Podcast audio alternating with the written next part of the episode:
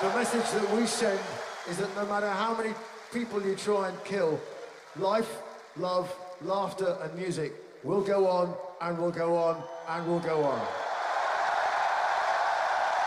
My friends, we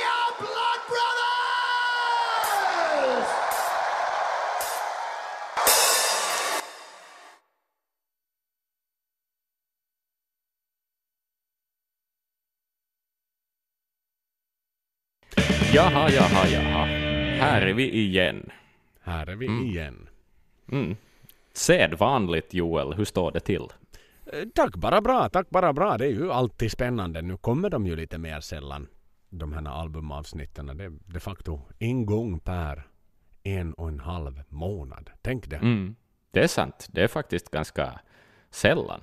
Ja, så det är ju Ja. lite exklusivt. Och, och det här är ju också en, en liten hälsning till de här, vad ska vi säga, konnässörerna som, som kanske inte alltid lyssnar på vår podd men kanske dyker in i till exempel ett sånt här avsnitt eftersom det här de facto är ett albumavsnitt så vet vi ju Så är det. enligt siffrorna och som du ju vet så är ju en siffermänniska. När det kommer Mm. till denna podd så, så vet vi att siffrorna alltid stiger när det är ett albumavsnitt. Jo, Istället jo, för jo. om vi har något eh, typ vilka färgämnen som Maiden använder i sina hår. Exakt. Jag tror att vårt minst lyssnade avsnitt är eh, den vi kallar för Picasso är en skunkaktig miljonär. Det är en väldigt eh, suggestiv titel på ett avsnitt i och för sig, Mm. men eh, om, om Dickinsons första soloskivor.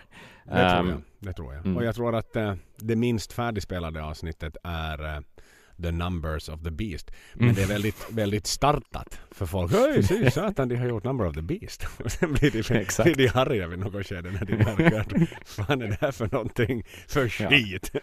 Ja, ja, jag skulle vilja se den där kurvan när folk droppar av liksom, i Ja. avsnittet, för det finns ju ganska fin statistik att tillgå om man så vill. Exakt, ja, när de kommer Mm. underfund med att det blir det någon jävla Children of the Damned där ikväll. inte. Men, men, men. Det, det är kul. Det är kul och vi, vi fortsätter ju i sedvanlig ordning med våra livepoddar och eller med våra livequizar också och mm. Mm. nördar ner oss ytterligare där. Mm. Så att, eh, men nu då som sagt så är det, är det verkligen dags att tiden är verkligen mogen för oss att ta tag i ett albumavsnitt. Och det är ju inte hemskt många kvar. Nej, det är inte.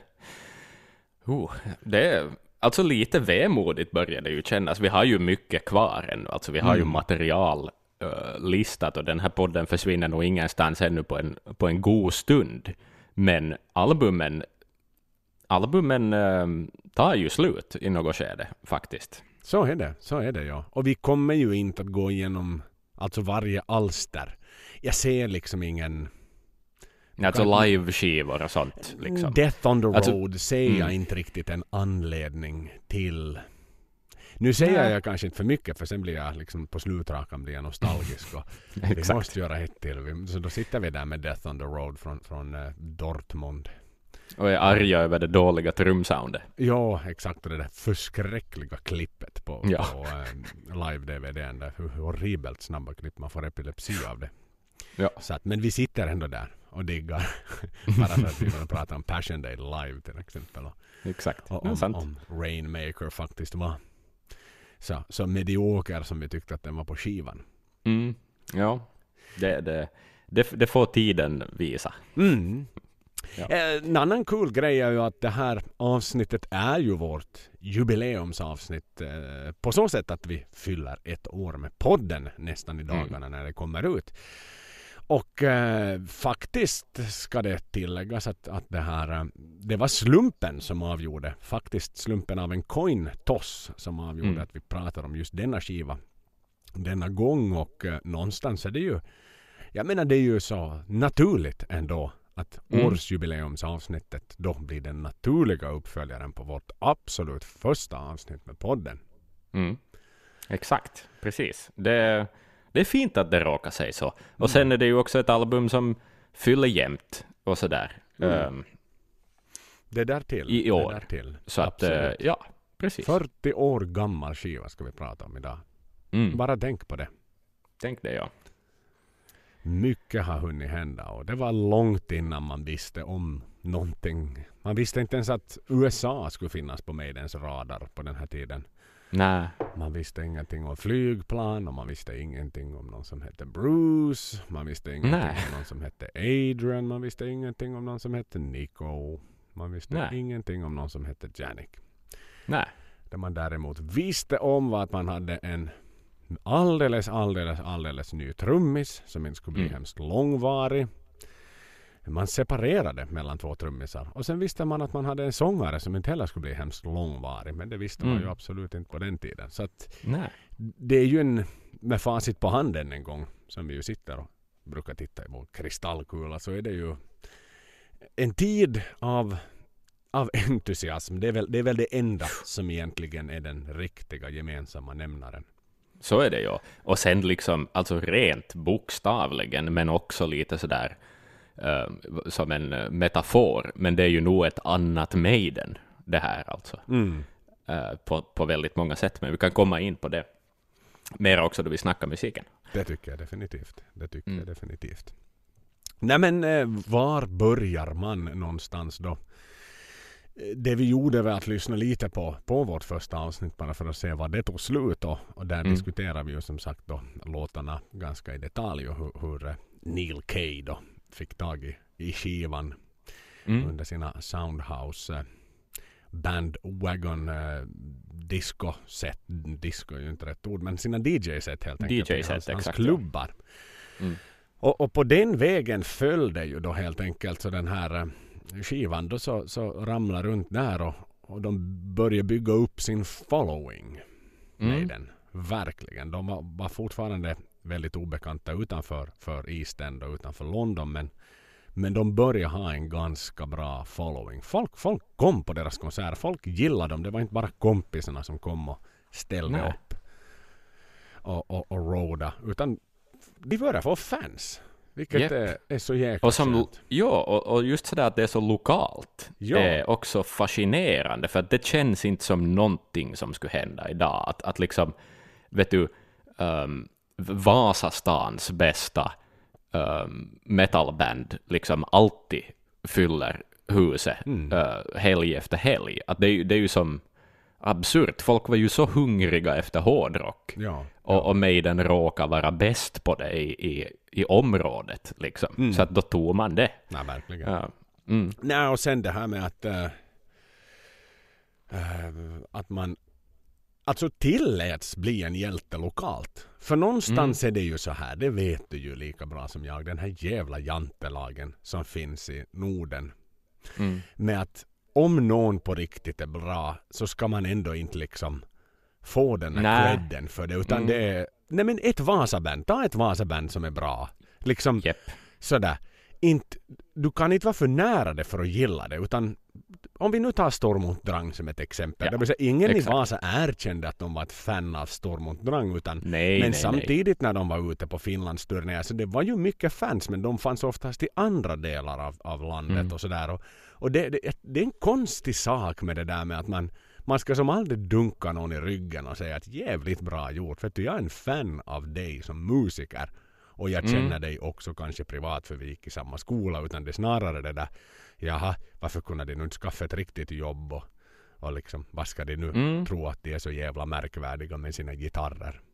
Exakt, ja. Det är, det är konstigt. Men det kan ju hända att det där blir att det är någonting som kommer att förändras efter coronan. Alltså sådär då, då kulturlivet långsamt kommer igång igen, att det blir en, en större fokus på det lokala. Alltså sådär att lokala bandscenen, lokala artistscenen ehm, blir starkare i och med att, att man får spela spelningar i sin egen stad, men kanske har svårare att åka iväg på Europaturné eller åka till USA eller till England där man mitt i allt ska ha liksom någon sorts visum för att komma in också som, som turnerande band. Ehm, så att vem vet, Men det, ju kan ju sant. föra något jo, sånt det- med sådär sig. vet du, Liksom. igen, vet du, alla stora band, det är alltid någons granne.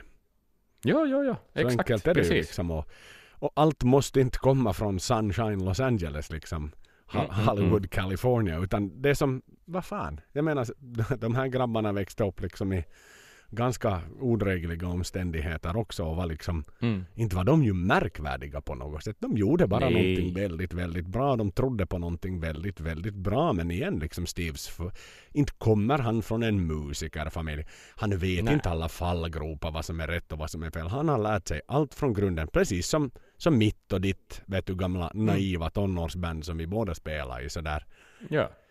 Så att då, han var minst lika vilsen som vi två var och, och som alla Mm. andra som, som säkerligen lyssnar där ute som själv har varit i band. Men en vilja och en ambition och, och, och förstås det som, som ju Maiden grundar sig på i allt vad de gör som de ju alltid, att de är ett liveband.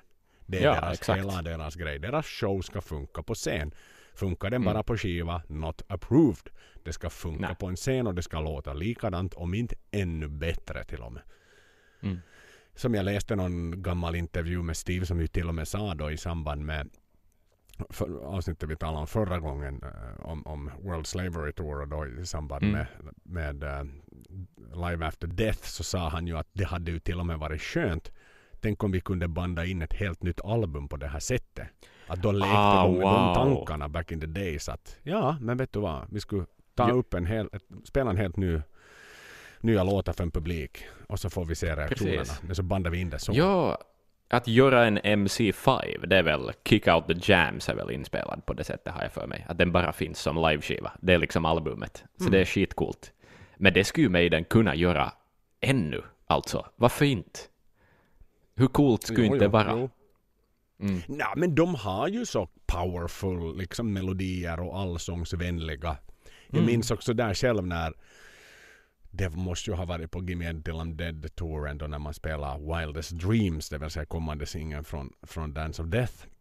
Mm. Eh, och, och då så där vet du, ja, redan i andra refrängen så var ju alla med i ishallen. I'm on my way. Ja, exakt, I'm precis.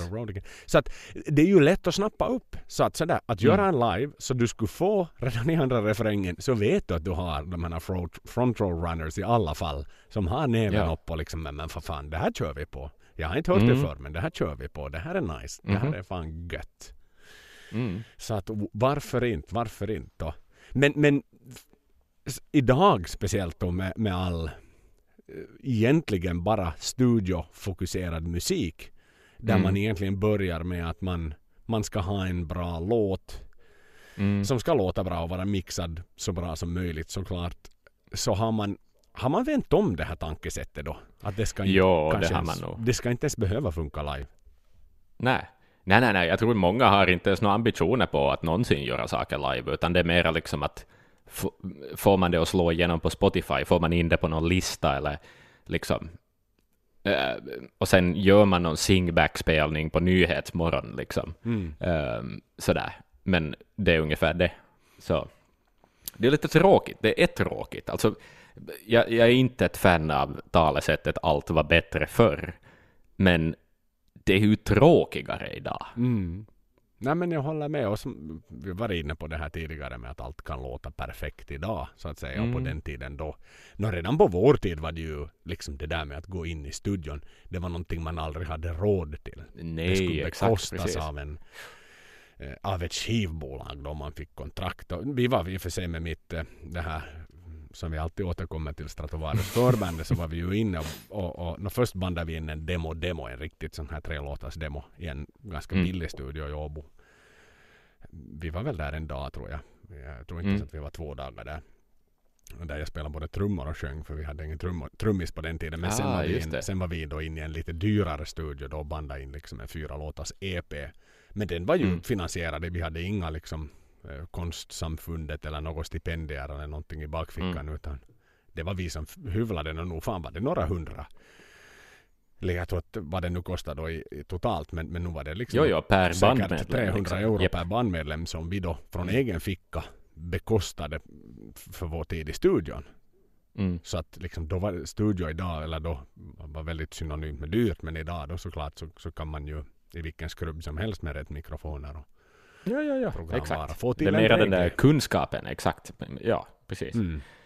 Mm. Så att, men så var det Ja. ju inte på den här tiden utan då var det ju liksom Maiden var ett, ett liveband som verkligen hade nött runt på, på scen och på pubbar och på scen Mm. och på pubbar och på scen och på pubbar. De kunde låtarna så in i helvetes bra när de steg Japp. in i studion.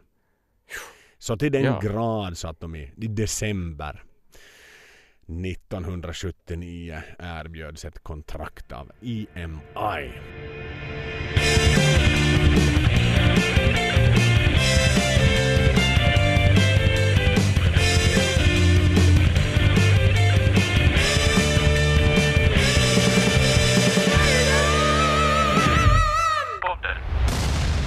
Den storyn då, eh, vad heter det, förstod jag, har jag förstått att det är eh, liksom, det var ganska rolig, ehm, att någon sån här A&R snubbe då från EMI, um, väl mer eller mindre, de hade liksom, de skulle ha råd att signa ett nytt band, och de var i valet och kvalet mellan Maiden och Def Leppard. Och, eh, och valde då sen ändå Maiden, men, men eh, de omständigheterna var att eh, de ju som fint folk gör kommer sent till en spelning, så pass sent så att de knappt rymdes in. Liksom att, att hypen kring Maiden var mera det som sålde bandet till skivbolaget än vad spelningen och musiken i sig gjorde. Att det var liksom så svettigt och så packat och så fin stämning och så eh, liksom att, att bara det i sig är ett bevis på att här finns det någonting. Mm. Nej men exakt och Brian Shepard Mm. då som han hette den här A&R-guyen så han var ju också väldigt kort. Just det. Så han såg ju ingenting överhuvudtaget av bandet utan allt han såg var människor framför sig som rock, rockar röven av sig verkligen Mm. bokstavligen för att de älskar så musiken och det var ju precis som du sa det var någonstans att no, men kommer de här människorna till det här stället eh, för att se på det och eh, Mm. på Soundhouse och, och ger järnet dag ut och dag in så det är klart att de kommer att Jo, köpa jo, jo. skivan. Liksom, det, det var ju någonstans det var ju en så perfekt inramning men, men så var ju också nästan varje kväll Mm. för Maiden. Det var ju inte som eh, Som, vi hade en gemensam bekant som, som spelade i ett band i Åbo som, som var så här semikända. De var ute på någon turné Mm. i alla fall. Eh, då när han berättade om spelade någonstans utomlands på någon, mm, på någon pub. Någon källarpub och, och, och på plats var enbart eh, ägaren, bartendern och, en, och, ba, och ägarens hund som var i lokalen. Mm. Och eh, sen gick de ut på tobak, ägaren och bartendern. Så de spelade för en hund. det är... Ja, Sådär. ja, exakt. Det är klart, då vill du ju inte ha dit Nej. A&R-människorna en Nej. sån kväll. Även om du kan vara jättebra. Utan det är ju såklart, som allting, det, det är ju det är business. EMI är ett Ja, affärs... ja, Det- De, de är inte liksom några stipendiegivare utan de ska tjäna pengar på Mm. sina hästar. Det är ju det det handlar om. Ja, där gjorde de ju nog rätt satsning långsiktigt i alla fall i valet mellan Def Leppard och Maiden, om vi säger så. Alltså visst, Def Leppard är ju nog ett stort band, men inte fan är det Maiden. Alltså, Nej, nej, inte idag. Absolut inte. Även om Def var ju de som, ska vi säga, först, först av de New Wave of British Heavy Metal som broke Mm. American ground. Så var Def Leppard de som så att säga först gjorde sig ja, men de är ju mycket betydligt mindre metal också.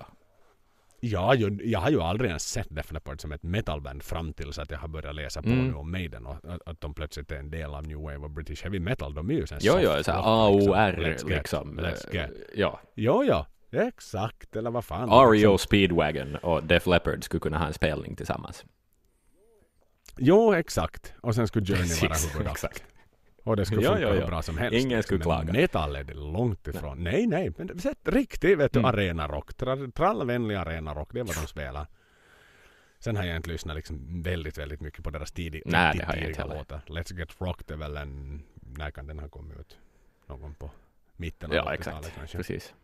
Spontant. Jag är inte Nej, alls nej, nej, nej. insatt i det, ska jag nog erkänna. Att det. Men det fanns en anledning så att säga att det inte bara var A&R-guyserna som, som signade Maiden utan det var väl och att vi inte står längst fram på en på en death-ställning heller utan att vi Även om man alltid kan dra det där riktigt gamla klyschiga skämtet om hur gärna man skulle vilja vara trummis i Def Leppard. exakt. Men vi ska inte dra det nu. det är så Det urvattnat men det, det Ja, men det är ett bra, alltid. det är ett bra Jag vet faktiskt inte om Nej. jag skulle göra det. Ja. Jag skulle göra det för att vara trummis i Ja. Maiden däremot. Det skulle vara svårt att spela dock.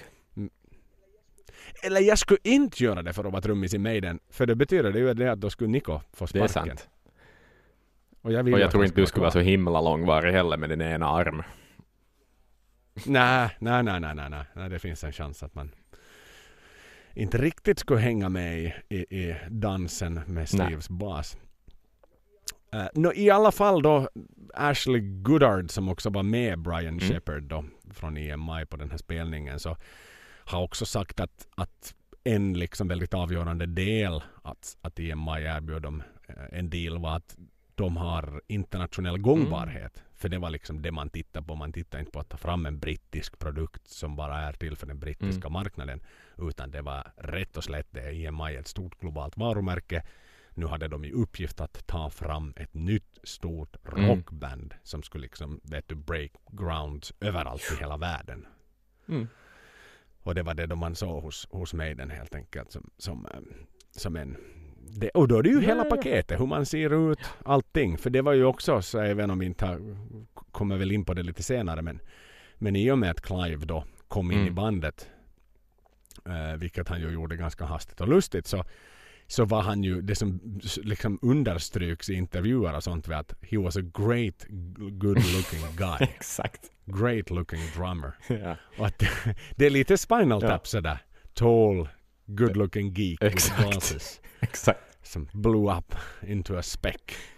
Into a green Men det var speck. väl, var inte en Bizarre gardening Precis, accident. exakt. Exakt. Men att, att det ska poängteras. Men det var väl också, var inte det gjort med typ Beatles första trummis, Pete Best, att han var för snygg. Att det var därför han fick sparken. Mm. Ja. Det är en grej i rockhistorien. Det är vitsigt. Ja, ja. Nej, det finns något Mm. om det där. Men att det ska vara som betona. Men det är klart, det, är liksom, det ska ändå tas lite promobilder Ja, alltså, man, det ska vara ett snyggt ut band, lite sex appeal. Det, liksom inte, det skadar Ja, ju ja. inte att ha lite sex appeal, speciellt inte om du är metalmusiker och liksom, ja, sådär. Liksom. Det, det hjälper ju att nå ut till en lite bredare publik i alla fall. Mm, så är det ja. Men de fick ju ett långt kontrakt när de väl fick det. Det var ju tre Mm. album. Och på den tiden ska det tilläggas att det var väldigt, väldigt ovanligt att man gav fler, fler skivors Just det. kontrakt till nya artister. Sen ska vi ju inte glömma från vårt Blaze-avsnitt hur många skivors kontrakt var det de fick med, Ja, exakt. med Wolfsbane. Ja, ja, ja, det är ju bara för att kunna begrava mycket. band, liksom. Det, det är ju allt det handlar om, att behålla rättigheter och liksom sånt. Ja. Mm. Men i alla fall så tre, tre album fick de ju med i EMI vilket ju var liksom väldigt fint och sådär. Sen ska det väl lite sägas att Rod eh, använde sig då av det här konkreta erbjudandet Mm. som då kom från EMI. Eh, också fiska runt och shoppa runt lite hos andra skivbolag för att få igång en slags budgivning. Ah, vilken businessman han är, alltså. Wow. Mm, mm. Ja, men igen, det där är ju sådana som man inte Nej. själv tänker på. Jag menar, vi har aldrig haft en manager Nej. i mina band.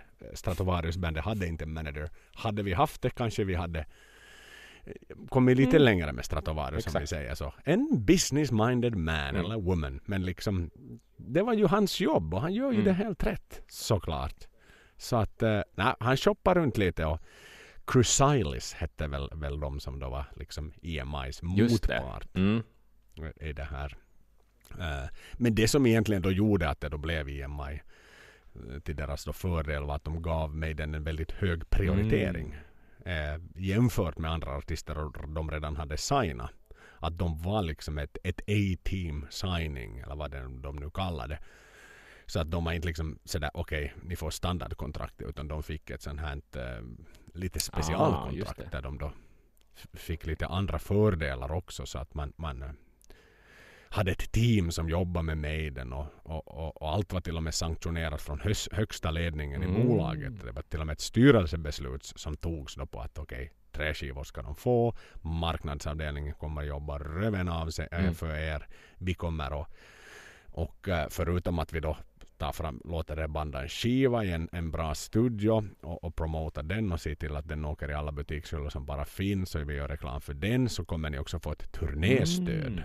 Vilket ju då sen resulterar i att de fick vara förband för Just Judas på deras turné. Så, där. så det var ju liksom verkligen liksom ett, ett lukrativt paket de fint fick. paket alltså. Ja, det där skulle jag signa så snabbt. Mm. Men än en gång, vi har ju varit inne på det där tidigare. Hej, har du hört om det där? De har fått Ja. Men då är det ju också så att inte fick de ju någon, de fick ingenting.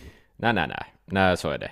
Uh, det, det är inte, man är inte ens halvvägs till framgång med ett skivkontrakt. Alltså man är kanske Nej, fem procent längs vägen. Ja. Mm. Ja, men det, du får väl kanske studion Mm. betald i alla fall ett visst da- antal dagar. Men då är det ju igen sådär att okej Vittu vi har inte hunnit mer än två låtar på de här Mm. tio dagarna för att det där st- kört ihop sig. Och då är det ju som sådär, no, no, inte blir Nej, exakt. något. Precis. Så är det. Ja, Och sen är det kanske inte liksom managerat riktigt på det sättet. Och liksom, igen sådär hur många band har på riktigt bra managers idag. Som vill bandets bästa. nej, det, det, är en annan, eh, det är en annan sak idag. Det är en helt annan, ett annat fält. Mm. Mm. Och även om då, då eh, Def Leppard var det bandet som liksom breakade bäst stateside. Så, så, så gav ju EMI, EMI till och med satsa på att ge en hel sides annons i tidningen Billboard. eh, För att promota skivan då när det var dags för lansering där. Det kommer vi till senare de här Ja. datumen. Men, men eh, texten då liksom. Annonstexten lö, löd då, då, då, då ser du framför dig skivfodralet från Mm. debutskivan. Så står det så här i annonsrubriken. Rock and roll isn't pretty. Mm. Jävligt coolt. Och väldigt, väldigt beskrivande också. Mm. Supernice. Mm. Wow. Ja. Vilken sales Så det pitch. bekostar Alltså, ja. Kreativt. Bra. Sammanfattat. Mycket, Mm. mycket, mycket, mycket kreativt. Eh, sen då, som sagt, så de fick ju en, en eh, pre, pre-runner då med, Mm. med Judas. Helt enkelt då, för Judas hade just gett ut British Steel. Skivan Bra platta. en av de bättre faktiskt. Riktigt bra platta med Living After Midnight som kanske är den mest framgångsrika låten från den skivan. Um, men då eh, kunde det ju ha börjat lite bättre deras samarbete för då inför, eh, inför den här turnén då de gjorde med dem så, så, så eh, intervjuade Sounds Paul Mm. Diano. Och eh, han var väl eh, den här journalisten, minns jag inte namnet på honom, jag läste det någonstans, eh, så var väl lite av en sån här eh, provokatör så han pressade väl liksom Paul liksom då att nå, vad ska ni nu göra? Ni är liksom förband till Priest liksom. Att, nå, vet du sådär, de är, de är gamla och, och ni är Mm. unga liksom. Det är ni som, som har, har möjligheterna i er hand. Så då har ju liksom Paul sagt att we're gonna blow the bollocks of Mhm. Priest. Som ju då förstås printades och antagligen liksom till och med hamnar säkerligen som en glassig Ja, rubrik. så blir det något beef mellan dem och Priest då. Ja, det blir en jättebeef mellan dem och Priest. En riktigt horribelt stor beef, beef mellan Just de två. Så att eh, Maiden fick ju knappt utrymme på scen vid soundcheck. De liksom ställde ut alla grejer så de ungefär fick stå där och ramla av scenkanten när de testade Mm. ljudet. Och det var mycket sabotage vid soundcheck. Det. Eh, Judas eh, ljudtekniker saboterade oavsiktligt soundcheck och sen spelade de helt andra ljud under då när de väl spelade på Mm. scenen, alltså när konserten började. Och eh, så, så det var liksom verkligen, KK Downing var ju riktigt fittig liksom. Han slängde ut dem. De hade någon typ av ölkväll då. Eftersom som Rod egentligen hade stängt, eller han hade styrt upp med med Judas manager om att sådär att okej, det där var ju inte hemskt snyggt. Nej, men nu ska vi liksom Att- att begrava yxan. Liksom. har sagt sådär men att nu, nu ska vi träffas här liksom att när ni har någon rehearsal så kommer vi över bandet och så dricker vi lite, li, lite öl och så pratar vi om det och liksom och så stryker vi ett streck Mm. över det hela. Men då hade Judas manager aldrig informerat bandet om att eh, att Maiden skulle Nä. komma ner. Så Maiden kom ner och då upplevde Judas det som att jaha, kommer de hit liksom och ska dissa oss ännu mer. Alltså KK slängde ut Maiden liksom Ah. därifrån och var sådär, ni har satan ingenting här att göra Ouch. överhuvudtaget. Så att det där med att gjuta olja på vattnet så, så blev aldrig överhuvudtaget till Nej. någonting.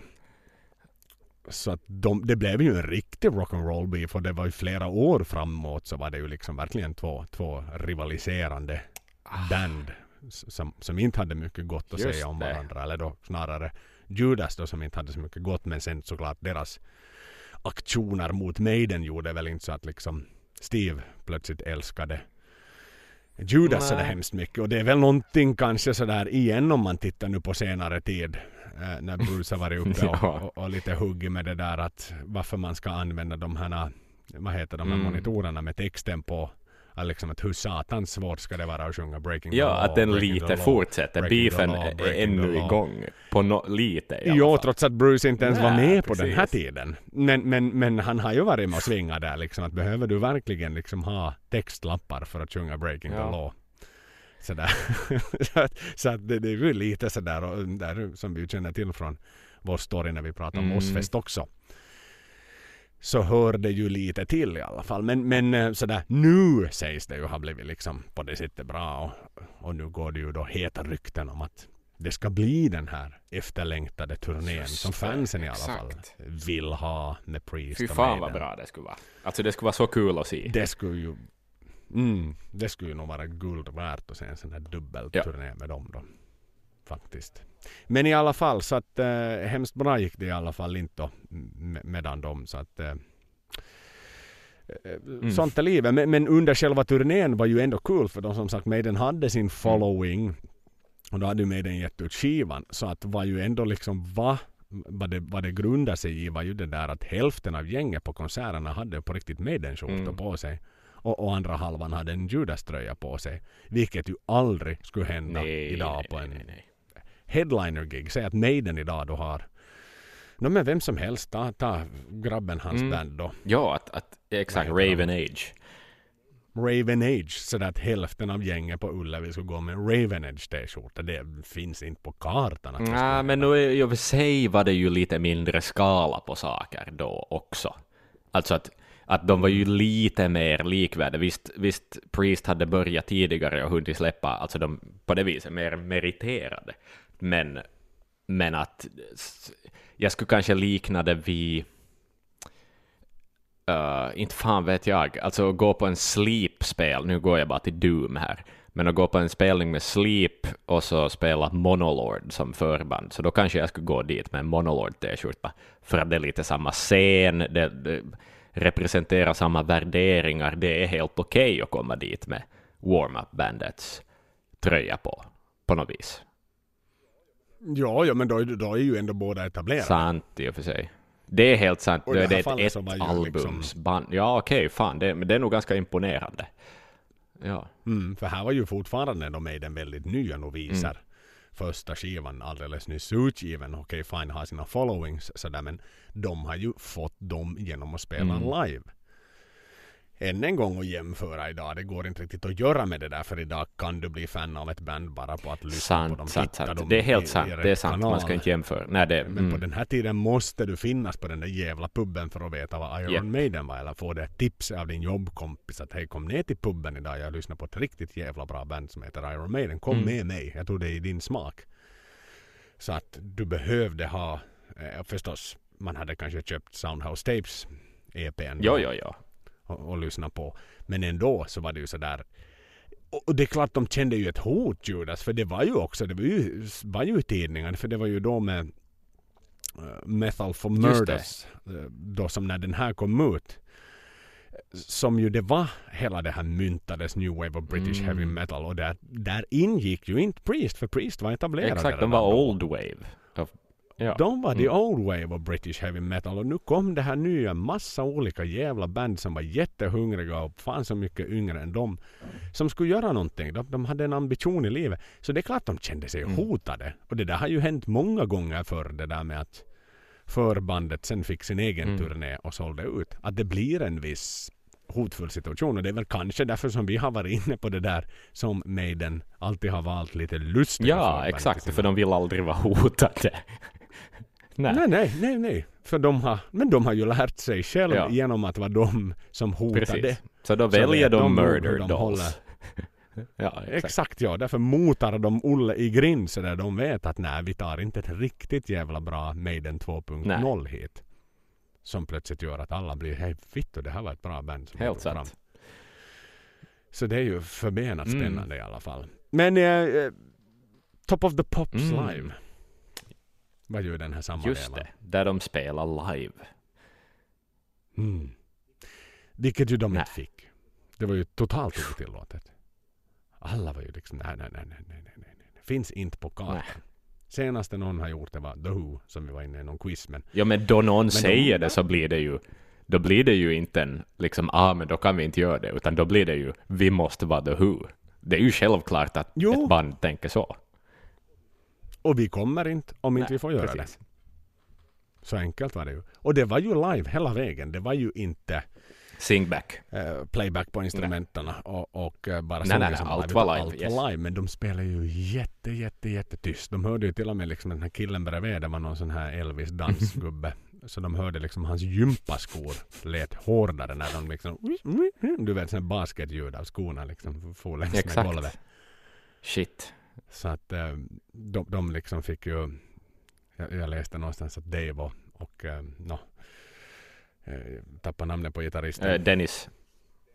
Dennis liksom koppla ihop sina två Marshall högtalare så där mot varandra för att få till något typ av ljud så, där, så att det tillsammans skulle bli ett Ja, större ljud ja, för ja. de hade ju någon sån här Marshall stack bakom sig men det var ju aldrig ikopplat såklart utan det var ju bara Just props. det, just det, just det. Och, och, och allt var ju så nertejpat med trummor och sånt här så att man, man hörde ju Nej. ingenting egentligen överhuvudtaget så att eh, jätte jättetyst spelning men de fick ju igenom det i Ja, alla exakt. fall då. Exakt. Och, och det var ju också verkligen liksom det där med alla, alla bandmedlemmar ringde sina föräldrar och sa mamma, mamma, sätt på Ja, TV. ja, ja, exakt, TV, precis. TV." Och jag menar, det, på den tiden var det ju, alltså det var ju vilken gatekeeper Top of the Pops var. Alltså man ska inte glömma bort Mm. hur få outlets det fanns för liksom ny musik, speciellt inte hårdrock i någon sorts Thatcher-England. Eh, att, att det var ju sjukt Nej, var konservativt. Och, och, det, och det var public service-TV, det fanns inte privat te, liksom, ehm, ja, privatmarknads reklamfinansierad TV fanns inte heller. Det fanns ingen vilja att provocera. Eh, så det är ju nog en jävla chans alltså. Eh, och att de gjorde så där, att de visade sanna Maiden då de väl fick chansen. Är beundransvärt, måste jag säga. Att, att väldigt många Verkligen. skulle nog ha gått med på att spela live, alltså eh, playback, bara för att du blir exponerad till allt. Exakt, precis, exakt. Mm. Nej men det har du ju helt rätt i att, liksom att, man, att de ändå vågar stå på sig så mycket. Men de hade det var ju egentligen som jag var inne på tidigare. Det var deras Mm. calling. Alltså vi är ett liveband. Nu vill vi inte. Okej nu kommer en massa mera människor att få upp ögonen för oss som aldrig har hunnit hitta oss Mm. ännu. Men ser de oss som det här playbackbandet Ja då ser du ju inte den riktiga delen av Maiden. Då är vi Då går ju ridån direkt Precis. ner. Då, då blir det direkt sådär att jaha vad är det där för något satans Mm. playbackband då? då? Då försvinner liksom den stora stora delen av Mm. Maiden. Men, men ändå att man liksom vågar verkligen stå på sig. Och det var ju mycket var ju EMI och alla var ju där liksom till helvete heller. Det liksom, ni kan inte kräva Mhm. det. Ni, ni, vet du, de har, de har en lista. Och de har många, många andra på den där listan. Så börjar ni ställa någon sån här krav, ni snabbt blir ni ett streck på Ja, den listan ja, och så går de ner till nästa. Som, som mycket hellre vill vara och gärna ställer upp och spelar playback. Ja, ja, ja. Men, men igen lite Rod Magic där så, där, så att eh, så löste det sig. Tänk, wow, vilken förhandlare. Och som sagt då, i samma veva då som, som det här var då så, så gavs ju den här Metal for Mothers skivan ut som ju var en slags samlingsskiva då för nya hårdrocksband då. The New Wave of British Heavy Metal. Maiden fick ju faktiskt med två låtar på den skivan. Just det, och vad är, de sattes väl som första låt också på samlingen? Mhm, Vad- båda det. två. Båda två. De var de enda som hade två låtar med på skivan. Ah, jävlar. Så bara en sån Mm. sak. Och, och det var ju Neil Kay då som, som ju förstås var liksom arkitekten bakom bakom hela Metal for Murthas. Så, så han ansåg själv personligen då att Maiden var liksom leaders of the pack Mm. på något sätt. Att det var liksom, det var så självklart. De stack ut. De var bättre. De skulle ha två skivor och ingenting Mm. annat. Det här var ju när Dog Samson var, var, var trummis ännu men då är det ju vid årsskiftet då, traditionsenligt, så ska det ju ske ett medlemsbyte i Maiden. Och om vi då lyssnar på debutavsnittet så var det väl, jag tror det är det sextonde medlemsbytet i Maiden. Vi är uppe i just nu 14 eller 16. Vitsi, det Så är otroligt. Väldigt mycket. Alltså det, jävlar vad Steve provar sig fram där. Och han hittade mycket. Men igen, det var amatörmusiker Ja, ja, på ja, den tiden. Det var, det var kompisar som kände någon som kände någon som sjöng lite Mm. och sådär. Det är inte du som nu att du liksom på riktigt du, du, du, du går inte in från gatan till Maiden och spelar. Nej, nej, nej. nej. Så att säga. Utan allt är ju så. Men på den tiden var det, det var kompisbandet som behövde någon som har hållit i en gitarr för. Mm. Det var ungefär så det var. Mm. Men, men Dog, eh, han slutade ju faktiskt frivilligt för han var ju han- hälsan till och med som liksom gjorde att han inte längre kunde vara med i Maiden för att det var det där vet du in i den här Green Goddess den här liksom skåpbilen då som de hade, de hade byggt um, om där uppe då så de hade någon sån här sovsäckar liksom på övre delen av det här skåpet och sen hade de grejerna där under Mm. så att eh, och i och med att de turnerar så in i helvetes mycket då eller spelar, spelar, spelar live så, så började det påverka hans hälsa så att han, han klev självmant av. Mm. Tänk. Så att eh, således då, då inkom Clive Bird då som senast hade spelat i Samson. Mm. Dock innan eh, Bruce kom dit. Precis. Eh, och då när Clive Burr steg ut från Samson så kom ju Thunderstick in i Samson som vi var med på. och det Precis. var ju hela den här fadesen med det som hände på nästa skiva. Det vill Precis. säga Killers med, med hans lilla Thunderbust. Mm. Som då var ett rent och skärt plagiat. Men vi ska ju inte glömma att all musik som spelades den här tiden hade ju spelats live så tusans många gånger under tre, fyra års tid. Med massa olika var ju- uppsättningar. Exakt. Så att då, du tänker då att dessa 14 människor som har kommit och gått så har ju varit med på ett eller annat sätt att spela Phantom of the Opera och spela Prowler och spela Ja. låtarna sådär. Så att det var ju det väldigt gammal skåpmat. Det var ju inte sådär som när man åkte till Jersey och satt checka in på ett hotell mitt i vintern för att skriva låtar för en ny skiva. Utan allt nej. fanns redan där. Steve hade ju gjort all musik redan Precis. för herrans länge sedan. Och välbekanta trudelutter, det är nästan folkmusik i End liksom på den tiden. De här låtarna, alla visste vad det var och hur det lät och vad det handlade Precis. Ja. Så att... eh, ja du, ja du. Sen åkte de ju på en turné med Metal for Mirthas också i februari då. Eh, runt omkring England då. Det var ju totalt 22 olika band Mm. som då i olika konstellationer var med och turnerade på på turnén. Mm. Motorhead, Saxon och Samson kan ju nämnas då som, som några av dem Mm. eh, som bland annat var med och kämpade. Så en ung Lemmy och en ung Biff som var där Mm. på den tiden och kämpade på liksom stred om uppmärksamheten. Och, eh, Samson har jag väl förstått var lite själv sådär satt upp sig själv på pedestalen som någon typ av huvudband. Just det. Vilket kanske inte alltid riktigt välkomnades. Men, Nej. men det var som det var halvvägs då ur det här så, så halvvägs in i turnén så var Maiden tvungna att hoppa av. Mhm. Eftersom de då skulle in i studion Mm. nämligen och banda in då den här absoluta debuten. Och eh, en annan rolig, rolig liten anekdot då. Som kan tilläggas att den 8 februari det var, det var Eddies debut. Mm. Då var det ljusteknikern Dave Lights som jag har varit med hur länge som helst med mig. Den som hade snickrat ihop ett monsterhuvud på en backdrop och på någon typ av stolpe på scenen. Exakt. Är det hans Då- riktiga namn, Joel? För han är ju född och var ljustekniker i så fall. det är ju underbart Ja. alltså.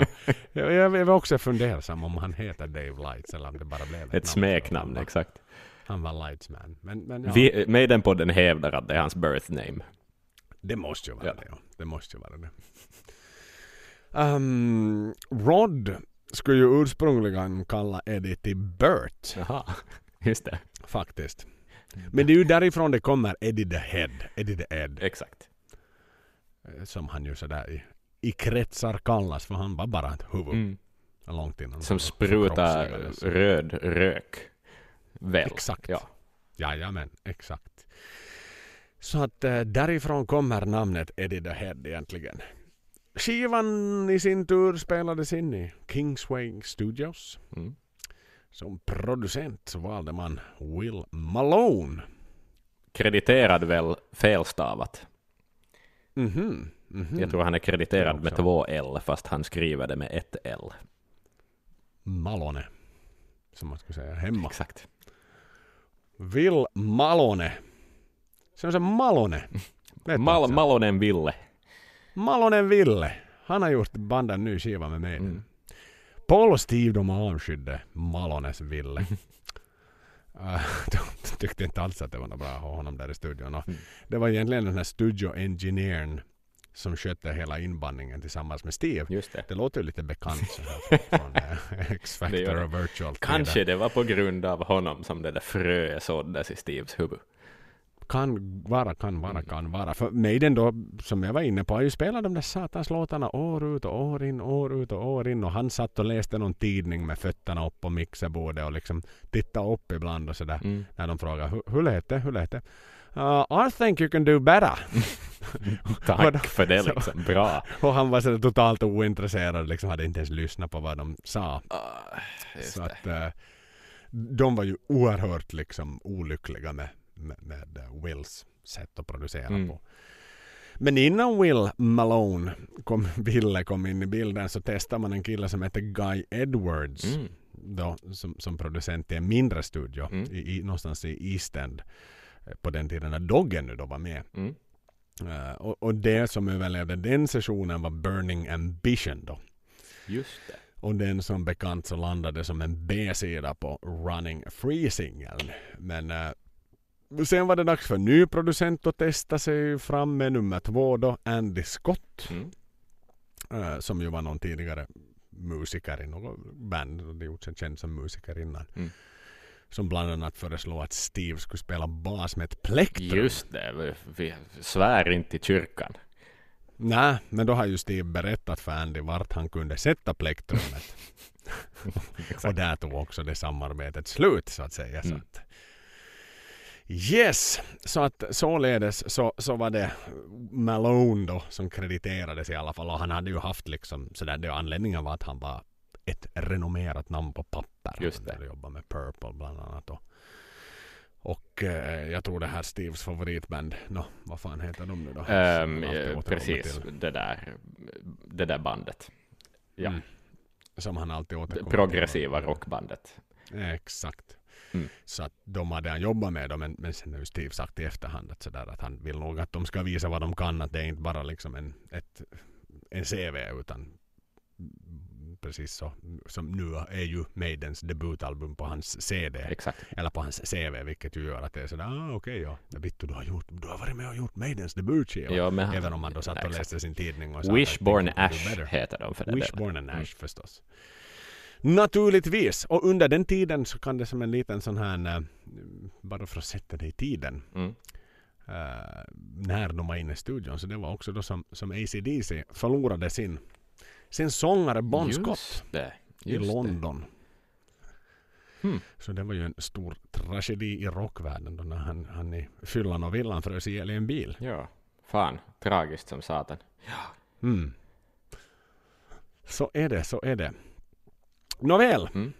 skivan jobbades på. Skivan gavs i alla fall ut den 14 april. Mm. Sålde ju förvånansvärt bra då med, med EMI-maskinen i ryggen och fansen som stod på, stod på nedanför scenen och lyssnade på dem så att man sålde ut 10 000 extra redan första veckan. Wow. Och den spelades till och med på Radio 1. Okej. Fan, inte illa. Inte illa. Inte alls illa. Och den debuterade på fjärde plats på listan. Vitsi, det är sjukt. Och För första album. Jo, verkligen, verkligen. Men det är ju igen deras following vänta så Mm. hårt på att de skulle få en skiva. Och som sagt med ett committat liksom bolag. För det är ju som Mm. Rod själv har sagt att det, det måste vara en relation Ja. mellan skivbolaget och bandet. Det kan inte bara vara att de är utgivare av musik. Utan Nej. det måste finnas något mer.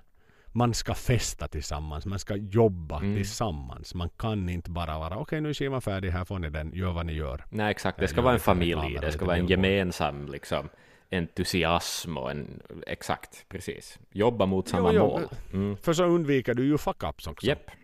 Så är det ju liksom om du är in it together då kämpar du också together. Du är inte bara liksom steg två som kommer efter att skivan är inspelad. Nej. Jaha, jo men nu skulle den gå dit. Och så ringer de till sina printing house och så trycker de upp till x antal exemplar och så sätter de upp lite planscher hit och skicka med en lapp i den här pafflådan till, till skivbutiken där det står att hej, här kommer Maidens nya skiva, vänligen sätt den snyggt och fint i hyllan. Nej, exakt. Så att den vägen gick det och, och som sagt fjärde plats för debuten som den kom på då, så det var ju fullkomligt fantastiskt egentligen. Mm. Jag tänker lite, vi skulle fundera kring fodralet Axel. Ja, det kan vi göra. The birth of Eddie. Mm. Dereks första jobb för Maiden. Mm. Eller hans absolut första jobb kom ju på singeln innan. Exakt, precis. Där de ju egentligen mörkar Eddie Ja, liksom hintar om en Eddie. Mm, man säger ju liksom inte sådär. Vilket också är väldigt genomtänkt. Sådär. Hur skulle du själv tänka om du ger ut en du, du är ju så business-minded redan Ja, då. exakt. Vad är det Det är där för en också, ja. filur? Exakt. Nu teasar vi Mm. publiken. Ja, fast han är i bakgrunden, Eddie, så är han ändå det som är i förgrunden. Vet du? Han är Mm. det som alla reagerar på. Mm. Ja, alltså det, det är ju så briljant Det är alltså. det. Det är briljant. Jag undrar om ordet teaser ens fanns på den tiden. Nej, exakt, precis. För det fanns inget behov av det. Nej, Nej. Nej. Tänk. Men idag liksom. Och hur etablerat det är idag med en teaser för en film eller En- för en serie ja. eller för någonting. En annan kul grej är, i alla fall i Early Days eh, dokumentären, så finns det en så här inslag av en ung, eh, då, eh, ah, hjärnsläpp, vad fan, illustratören i fråga. Jag tappar helt ordet. Derek? Ja, tack. Ehm, en ung Derek är med där och han är ju exakt likadan där som han var då vi mötte honom. Han hade exakt samma skratt, samma på något vis ehm, så här idé om att, att systemet är emot honom. Vet du, lite sån här konspiratorisk. För det verkar Mm. han ju vara. Och han är liksom... Verkligen. Han är ju fortsatt, alltså det, jag tyckte det var så spännande att Han se är att ju det är lite av samma ett jävla... unikum i Jo, jo, sig. jo, 40 år senare så är han likadan. liksom. Det är sjukt fascinerande. Jo, jo, nej men det är ju liksom att vi lyckades trycka, alltså den frågan han har fått 150 000 gånger om Number of the Beast fodralen Mm. när föräldrarna slog sönder. Att vi lyckades få honom så uppjagad. grow the fuck up! Grow the fuck up! liksom att han liksom verkligen, han tände till på alla cylindrar när vi ställde den här frågan. Trots att det då är fucking liksom 40 år sedan. Ja. Ja, det är underbart roligt Det är det, faktiskt. det är där. det. Hoho, vilken Det karaktär. Ja, han. men, men alltså återigen, det så liksom sjukt smart. Sjukt smart. Ehm, Mm. Ja, men omslaget i sig då. Ja, det, det, det, det är ju snyggt.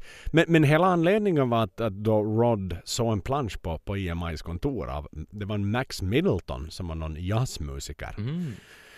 Eh, någon skiva han då skulle ge ut och, Mm. och då var det liksom snyggt illustrerat det där och då blev han säga, vem fan, vem är konstnären bakom den här affischen? Mm. Och då var det, ja, men han heter Derek Riggs liksom och, och, och, och hej, nej, men vad fan, kan vi få hans portfolio? Mm. Och man hittar direkt konvolutet liksom då av alla hans bilder han hade gjort. Det är, vittu, det, det är ju det här vi ska ha. Mm. The Punk, Eddie the Punk. Så att det var, det var färdigritat fodraler redan innan och, och, och det var ursprungligen då tänkt för en, för en skiffy-bok. Just det. Sci-fi-bok. Lite modifieringar gjorde man dock. Han Mm. fick lite längre hår och, och, och, men, men han var och han är en punk. Mm. Men då den här bakgrunden, du vet den här liksom street view-bilden. så är ju. Derricks gamla hemvister där han föddes, föddes och växte upp. Ja. Så han är enligt Derek då liksom själv sagt att han är, han är väldigt duktig på att måla gator och vägar. No, det är han. Det- Men eftersom han egentligen är en sky, sci-fi, skiffy konstnär så har han inte så mycket nytta av det säger han. att det, är inte så mycket gator och vägar i skiffy. Nej, Men äh, så att äh, så, så den skulle vara för en skiffy novell i alla fall. Den just det. Just det, just det. Mm. Eller den här äh, ursprungliga omslaget då, som aldrig, aldrig utgavs naturligtvis. Nej. Mm. Coolt. Tänk. Men vad säger du om Eddie the Punk? Alltså det är ju ikoniskt. Alltså är, man kan ju inte säga någonting annat om det än att det är ikoniskt. Det är så där Maidens första skivomslag ska se ut. Punkt slut. Och, och ba, liksom, det är Eddie i typ någons äcklig gränd i sunkiga delar av London. Och Ja. det är ju det är ju allt vad det behöver vara. Liksom. Att det är inte Eddie i ett sammanhang, det är inte Eddie som gör någonting. Det är bara ett porträtt av Eddie. Och Eddie som är och förblir symbolen för Iron Maiden genom alla år. Och då, liksom, ehm, han, är ju vi, han är viktigare än logon. Logon, Han är viktigare än Steve. Japp, exakt, precis. Ja, Maiden utan Eddie, det är ju otänkbart. ja, ja, ja. Nej, vad skulle det vara? Vad skulle, hur skulle ett Maiden-omslag se ut utan Eddie? Fin, vi, vi, Ja, det- hur, skulle, hur brokigt och konstigt skulle inte det vara?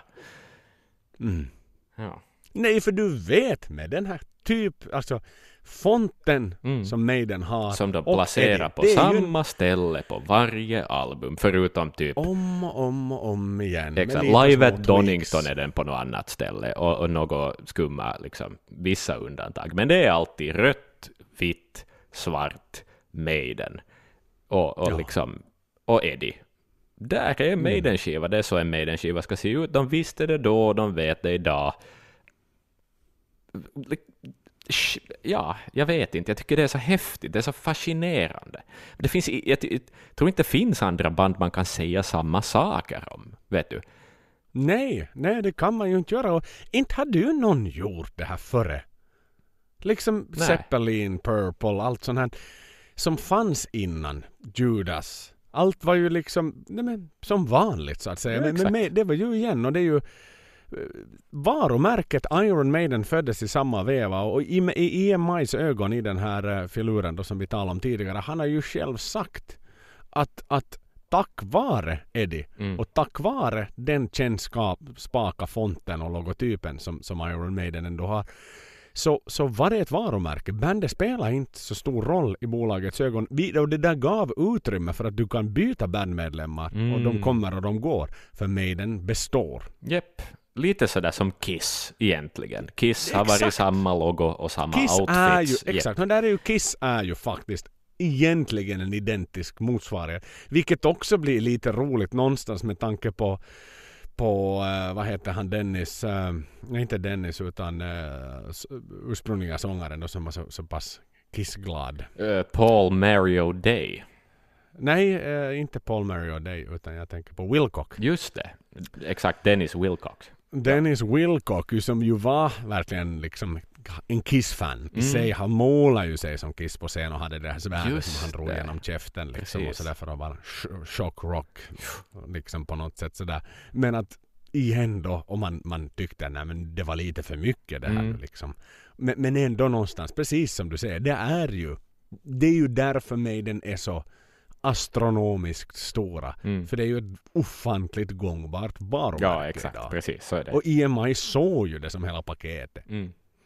Att man pryder ett monster på varenda jävla albumsliv. Ja, och liksom bara det att det, det var väl Steve som, som designade logon ursprungligen också, men att liksom Mm. att tänka att, att det är ju en av fonter hur ikonisk den är, vet du. Att det, det, Jo, det ja, den är inte lik någon annan Nej, heller. den är inte Du vet ju direkt om någon har koppat den på något Japp. höger och Öj, de har använt mig den fonten. precis, exakt. Den är så enkel, men den är ju väldigt lättläslig. Det, Om ja, du då jämför med eh, vet du, klassisk black metal fonter Mm. som sådär. Men den som du aldrig läser ut. Men den där är så stilren och så lätt att läsa och så Mm. lätt att förstå och lätt att identifiera. Och då tillsammans med Eddie. Det är ju underbart att man redan fucking för 40 år sedan, det, att det här inte var någonting som mejslades fram i samband med vet du, att Maiden växte efter Peace of Mind i Powerslave-tiden. Så var det någon som bara kläckte en heureka i det att hej vittu, let's make a brand out of this på Nej, något precis, sätt. Att det det, var- här fanns Mm. med från fucking första början. Ja, det- det är ju helt, det är ju helt, alltså, och sen har man varit så konsekvent. Hur kunde de vara så smarta redan mm, då? Jepp. Unga spolingar. Hur kunde de... Alltså, Ja, det var ju egentligen, med facit på hand, så kunde det ju inte ha blivit något annat än en succé. Nej. För, för hela paketet fanns där, precis som hela paketet finns där idag. Ja. Vi vet redan framför oss hur uh, nya Maiden-skivan kommer att se ut. Ja. Är det i någon, någonstans? Mm. Om han är i rymden, om han är i krigsuniform eller vad fan han nu än gör. Men vi vet. Även om Eddie har en dykardräkt på sig så vet vi hur nästa skiva ska se ut. Och vi vet att det är fantastiska kära Maiden Japp. som gör det. Exakt. Enda contender Ja. där jag kan tänka mig där det misslyckas. Jag har ett exempel. Kanadensiska jag tror jag snackade om dem förr i den här podden också, um, kanadensiska metalbandet Riot. De har också Mhm. en, en, en sån här, uh, vad heter det, um, jag tappar en massa ord idag, jag sovit dåligt förra natten. Um, vad, vad fan är maskot? Maskot. Tack. Ja, en maskot som är någon sorts sälmänniska eh, Mhm. som är sjukt ful. Och ja, eh, jag, kan, jag, kan, eh, jag kan rekommendera låten Swords and Tequila av eh, Riot, bara för att säga, Jag få tror det jag sagt. var inne på Swords and Tequila Ja, ja, för, det är en av dem. Det är en bra låttitel, men, eh, och en ganska bra låt ska sägas. Men det är ju ett band som ingen minns mera, fast de hade samma logo och samma sjukt fula maskot på varje Mm. jävla omslag. Tittar vi lite till uh, album performance då. Mm. Så som sagt, vi var inne, den, den, den gick in direkt på fjärde plats på listan och nu får man ju ändå någonstans ha, ha i åtanke att det här är ett uh, inhemskt album Mm. för en inhemsk marknad. Det kan inte ha gått till så- etta i Finland med andra ord. Nej, den fanns inte med Nej, i Finland. exakt, Jag undrar om den någonsin släpptes där under den tiden. Att den kanske kom i efterhand där. För, Mm. för det som jag hittade listmässigt så var Sverige faktiskt. Och då, då hittade den ändå upp till en 36 plats. Som Mm. liksom högsta plats i Sverige. Som ett band som aldrig någonsin hade besökt Sverige ännu. Nej. Eh, och uh, således då så, så var den där. Och tittar man på någon typ av Swedish. Den finns som, som senare då när den kom ut eh, 2009 så var den på 27 plats. Så. Just det. Men, men då back in the days 1980 så de enda listpositionerna var Sverige och UK som den kom in på. Just det. Okej. Ja, ja, ja. Ha.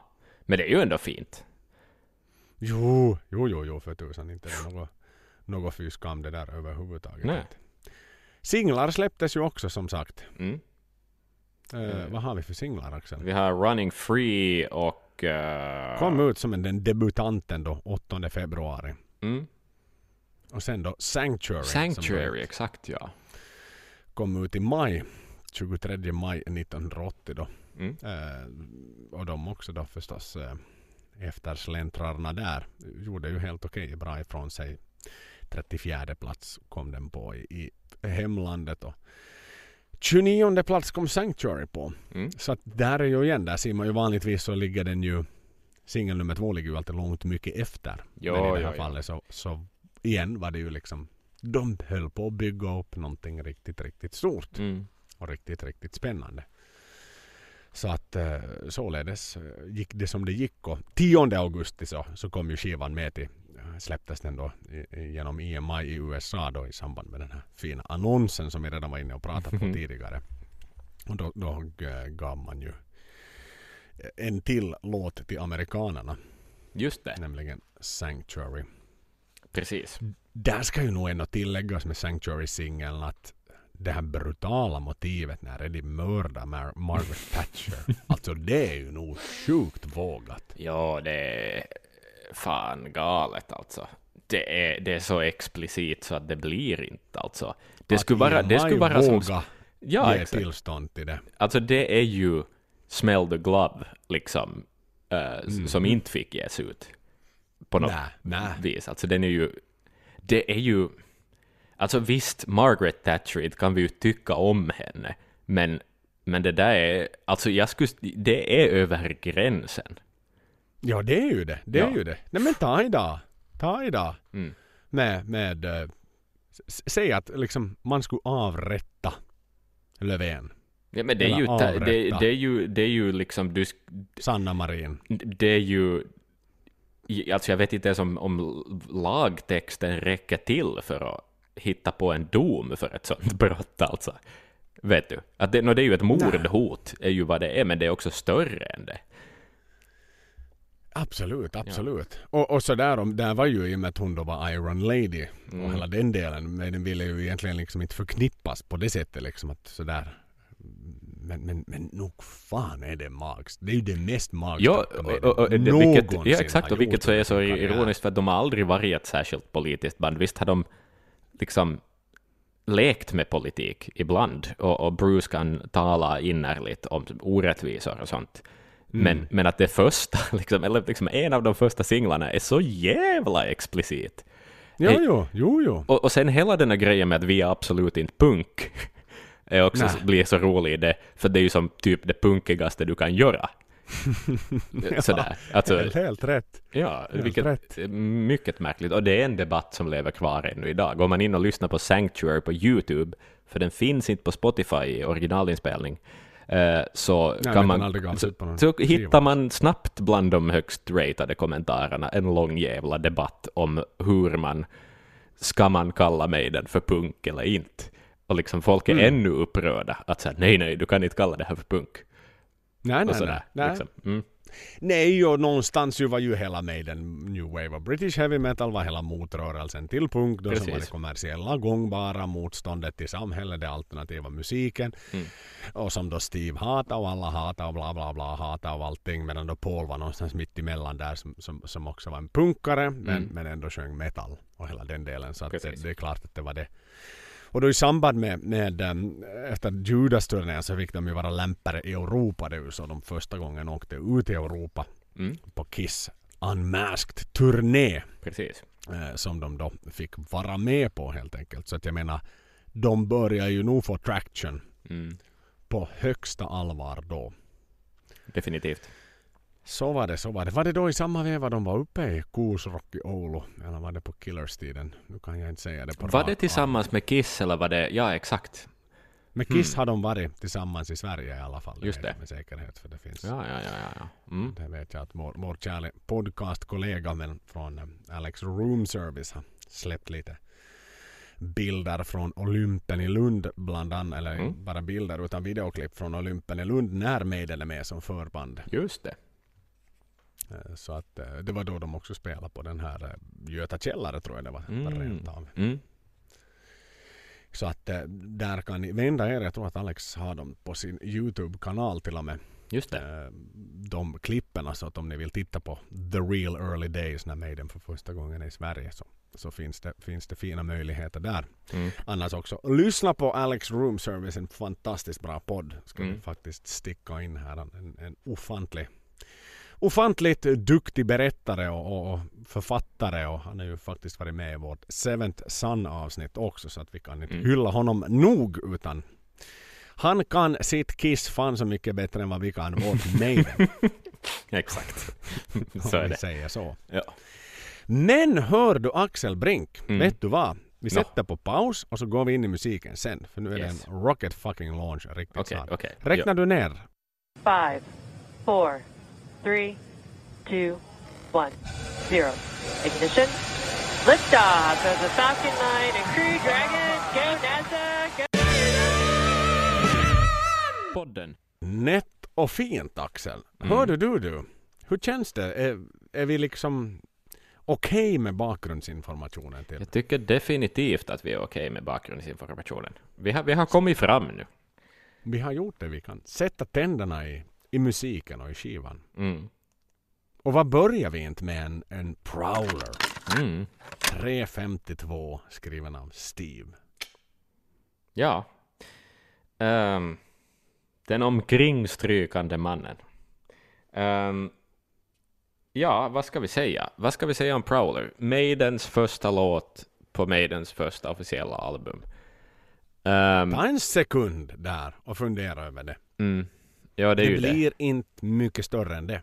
Vi Nej. kan småskvallra över att vi såg USAs första raketuppskjutning. Vi tog en liten paus här i inspelningen eftersom det är en lördag vi bandar in och tittade gemensamt på när Elon Musks SpaceX tillsammans med NASA sköt upp sin första raket på väldigt många år i USA. Mm. Och det här är väl i paritet med det här. Det här är det första av det första officiella. Så är det, helt klart. Så det är ganska, man ska välja sina ord här.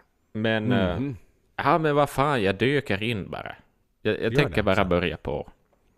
Ehm, och jag tror det första jag kommer att säga om det här eh, är, är trummorna. Eh, Clive har en, han har en touch.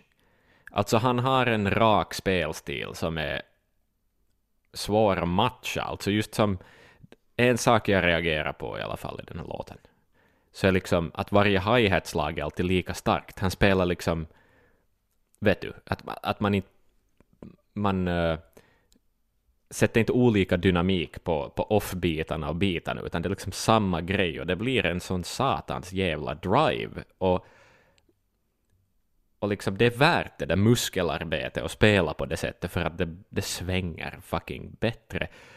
Och jag vet inte, här visar det ju sig också hur jävla samspelt det här satans bandet är. Alltså basen och, Och trum... Clive ny. Ja, Clive är ny, men, men han och Steve i, i ett äktenskap tillsammans över de låga frekvenserna i detta band är ju bara så jävla bra. Och liksom Steves entusiasm i hans baslik som, som han ändå har spelat hundratals gånger förr. Men det sitter så otroligt bra. Det är ju en rocker, det är en, den, det är en sån öppning, det visar mig den som vad var det du sa att stod på den där helsidesannonsen i Billboard? It ain't pretty. Nej, men exakt. Det är ju precis vad det är. Att det är lite punk. Vad de än tycker och vad de än försöker säga, så är det lite punk. Um, sjukt rock'n'roll. Um, vi kommer in i instrumentala delar, twin guitar shit, liksom Maiden visar sin själ. Daves svinsnabba solo som är jättebra. Otroligt bra baskomp ännu en gång. Um, och, och lite sådana produktionstekniska detaljer som kommer in, lite sådana overdubs med gitarrer där man har tyckt att det krävs lite mer energi, så har man lagt till någon, något litet lick i efterhand och sånt, liksom som är sådär naivt och, och, och liksom kiva och ett bevis på att det här är första skivan på något vis. Att en sån här entusiasm över att nu får vi leka i studion. Men, mm, ehm, jag, jag vet inte, men ehm, sen vad så här låten handlar om är ju, ehm, jag, jag kan ändå inte, En kringströvare. en kringströvande man, men vad är det han syftar på? Vad är det Paul syftar på med with it open wide? Vad är det? Är det hans, är det hans penis? Vad är det för något? Är det liksom en blottare som springer omkring här? Hmm. Han skrämmer kvinnor i skuggorna. Det är ju det han gör. Det är liksom ändå en ganska märkligt tema om det är så att det är det det handlar om, eller sen är det bara jag som tolkar in det, för att jag tror att jag har sett en blottare en gång när jag var barn, vet jag. Eh, Ja. Okej. men, Den kom Men liksom- ju in passande. ja, men it ain't pretty, vet du. Mm. Det, det är nog fan sant det. det, det sloganen Nej, jag hoppas håller ju inte att ännu. du som barn tyckte att det var pretty. Nej, det, gjorde- det, jag, har, jag har förträngt det, jag It vet bara att det har hänt. pretty, alltså. Nej, exakt, jag vet bara att det har hänt. Men i den här världen, alltså bara om vi stannar till Mm. läser de första raderna av Maidens första text. Walking through the city, looking oh so pretty. Mm. I've just got to find my way. Mm. See the ladies flashing, all their leg and lashes. Mm. I've just got to find my way. Mm. Well, you see me crawling through the bushes. With it open, open wide. wide. Är det busken som är öppen? Det är What busken som är you öppen. seeing girl? Can you believe that feeling? Can't you believe it? Can't you believe your eyes? It's a real thing girl. Ja. Ja, Det... Är det liksom buskarna som han flyttar på med sina händer? Att busken är open wide, mitt i allt. Och så skrämmer han en kvinna.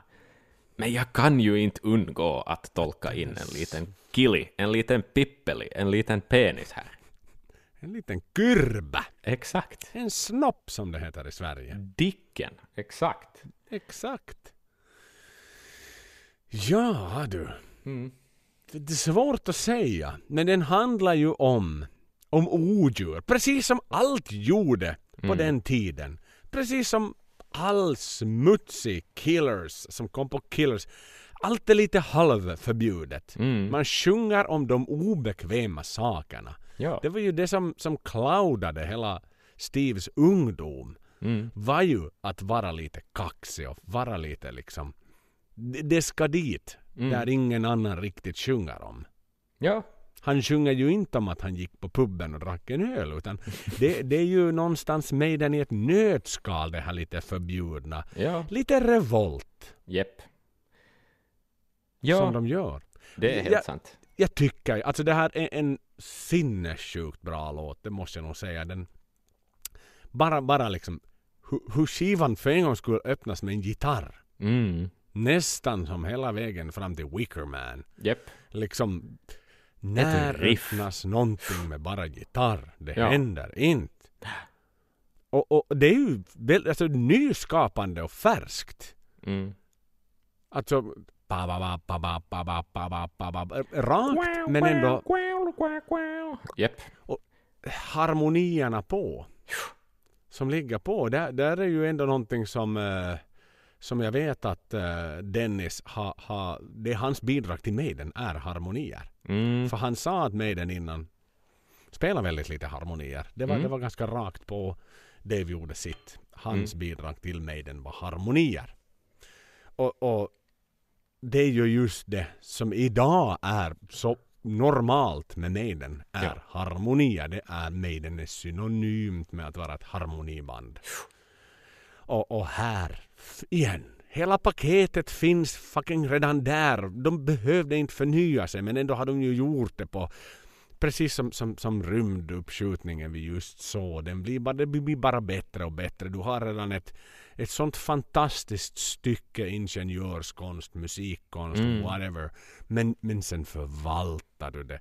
Du, du smidar den här statyn, du svetsar den på rätt ställen, du ändrar den, du formger den. Och Mm. det är ju det som Maiden så fantastiskt har gjort under detta, dessa 40 år fram tills idag. Men, men redan i första, första fröet Prowler. Mm. Hur, hur ofantligt vackert och kaxigt det är. Det Mm. går ju inte att inte älska det här. Alltså det fullkomligt osannolikt att man skulle säga att det här är en dålig låt. Nej, Jag började nej, gilla Maiden först 1984 när Two Minutes to Midnight släpptes som singel. För allt annat innan det var skit. Det är ju sån del av arvet och den här utvecklingsresan. Den, den gåva som Steve gavs av någon typ av metalgud i sin Mm. födsel. Att han inte blev en medioker fotbollsspelare i West Ham som glömdes bort bland de alla, alla, alla, alla andra som har funnits där. Mm. Som gjorde honom till fucking president of motherfucking rock. Mm. Mm. Wow. Det, Ja. det så fint. Och vilket, vilken öppningslåt. Man kan inte säga annat än rocker. Men den är inte för käpp, den är inte för brutal. Utan den är den är rå. Men, men Ja, och det här är ju ett Maiden innan de har hittat sitt recept, alltså det där som vi förknippar med Maiden. Vet du? Att, att ja, idag Will kan... Malone som satt med fötterna uppe och Mm. de inte visste annat än att banda det som det lät live. Nej, De hade ingen annan annat att benchmarka med. nej. Det var det här. Som, så här lät det på scen. Så här låter det på skivan. Mm. Mm. Anledningen att de sålde 10 000 ex första veckan. Det var det här folk ville höra. För det var Ja. det här folk kände igen. Exakt. Hej, nu kan jag lyssna på Maiden varje dag. Om och om igen istället för att vänta tills de kommer till puben. För så här låter det på puben, så Ja, här låter japp. det på skivan. Och jag kan se framför mig själv hur jag står där som 18-åring med ett stop i handen och en knuten näve och en bikerjacka på mig och bara vifta på håret och Ja. det svettas och dränks i öl. Mm. Liksom. Det, det är ju det vad det här är. Mm. En, en, en sensationellt bra låt. En, en, en ofantligt bra låt. Som jag håller extremt varmt om hjärtat. Verkligen. Jag tycker hemskt, hemskt mycket om den här. Den är rak, den är rejäl och den svänger och den är tight. Mm. Mm. Mm. Wow! Ja. Vilken öppning på Iron Maidens karriär. Jag kan inte eh, förmå annat än att bara det bara liksom flyger ut regnbågar ur min mun. Ja, ja, ja, ja, ja. ja. Nej, jag- Och lite blod. Och lite blod. Men det är den röda regnbågen. Exakt. Mm. Tack Steve. Tack Steve. Mm. Jaha, Mm. ska vi lämna den? Det, vi får väl lov att göra det. Vi, vi har väl... Vi har fler låtar att ta oss an. Vi har några till. Vi har Remember Tomorrow, 5.25, Paul och Steve. Ja. Här går man från en rocker om ett äckligt pervo till den skönaste av stämningar. Det här vet jag Joel att du älskar. För den har de där svävande gitarrerna som du, som du förförs av. Alltså, det är ju en så omejdensk alltså. låt. Det här skulle kunna... Ja. Alltså det skulle kunna vara, den är spacey, det är liksom, det här skulle kunna vara typ Blue Oyster Cult eller någonting. Alltså, och, och, och ah, Pauls sång i den här, jag, fuck alltså om inte det är kanske hans bästa sångprestation i det här bandet. För den är så bra, alltså han sjunger det så, han, han är ju en punkare och han, han har det där raspiga och allt det här, men här visar han att, att han kan sväva ut i, i liksom en ny sorts berättarkonst, tonklädd sådan. Men sen tar det den här vändningen till det där tunga riffet som är så jävla dumigt och, och dum, badum, bam, badum, bam, bam. Det är så coolt, det är ett så satans bra riff. Huh, vad bra det är. Och just ehm, um, var det i slutet av andra versen då, um, där han hoppar upp i tonläge till en, till en hög ton, och man är sådär vitsig Paul, hanterar du faktiskt det här nu? För att du är ju liksom, du är ju the punk. Du är ju inte liksom den här skolade metalsångaren. Och så drar han ut på ett långt sky och sen lägger han till en sån där skön drill i slutet också och går upp lite i falsetten. Vet du, att han, är så, han har så kontroll över det han håller på med som är så kova. Huh. Okej, så går vi vidare in i en lite snabb del, rytmändring, solo, fucking bra, tight. Vilket band det här är alltså. Hur, hur duktiga är de inte på att spela? Och det känns liksom som då man hör på den här skivan hittills också som att det här är typ, vet du, det har inte tagit många tagningar för att få det här på tejp, utan det är liksom så trovärdigt. Och för den delen också, Dennis Stratton, han inte spelar han några jävla dåliga solon. Inte är det som att jag saknar Adrian Smith här heller, utan han är en jättekompetent gitarrist. Mm. Tillbaka till lugnet också. En, en sak jag reagerar på här i, i, i, då man kommer tillbaka till versen och de här svävande plink-plonk-gitarrerna och den här sköna liksom, atmosfären, är hur dynamisk den här skivan också är i mixen, någonting som har försvunnit, det är liksom ett hantverk som har försvunnit ur, ur musikproduktion. Men att hur lätt till exempel Clive slår på virveln och att man liksom har med det, för att idag är det som att man vill pusha allt till att vara jämnt. Men då fick det vara, ett sva- det fick vara svagt på virveln för att det är en lugn del. Att det är nästan, han har en sån här jazzig touch ibland, Clive Burr, som jag kan tycka om väldigt mycket. Mm. Och sen kiva sådär rått banka, banka, banka, ös slut på den också, som, mm, att, som också är så naivt på något vis. Och jag vet inte, texten i den här låten är också fin. Det, det är poesi, liksom. Eh, det är poesi. Eh, som naiv och sådär liksom ung nihilist som ska skriva poetiskt. Visst, men det är ändå bra. Liksom. Huh, nej, vitsi, det här är det här är en sån skatt, den här låten. Alltså jag förstår inte. Den är väldigt omejdensk, sådär i den Maiden vi förknippar Maiden med idag, men, men det här är en klassiker. Alltså det här borde, den här borde placeras högre upp. Man skulle kunna sätta den i ett DJ-set eller på någon Best of skiva liksom strax efter Don't Fear the Reaper och den, den når upp till samma vibe sådär. Åh, så bra. Mm. Ja, absolut en bortglömd låt och som du säger precis här liksom. Sanctuary, Prowler, Iron Maiden är de som, som spelas idag. Mm. Den här spelades på Early Days-touren men, men, men, men verkligen liksom den är så komplex och det är väl det som gör att den kanske inte ryms in för den är, den är lite för sofistikerad Mm. på något sätt. Men, men som du var inne på jag har fastnat med texterna på något sätt på, Mm. på de här. För jag har verkligen liksom valt att försöka identifiera vilken väg Maiden tar hela vägen framåt idag. Med just den här artistiska, obskyra Unchain the colors Mm. before my eyes. Yesterday's sorrows, tomorrow's white lies. Scan the horizon. Mm. The clouds take me higher. I shall return from out of the fire. Mm. Det är så snyggt, det är så bra ordval. Wow! Tears from remembrance, tears from joy, tears from somebody and this lonely boy. Det är riktigt förbannat vackert. Det, den är ju mörk den här låten. Mm. Väldigt, väldigt mörk i både musiken och väldigt, väldigt mörkt i texterna. Och Mm.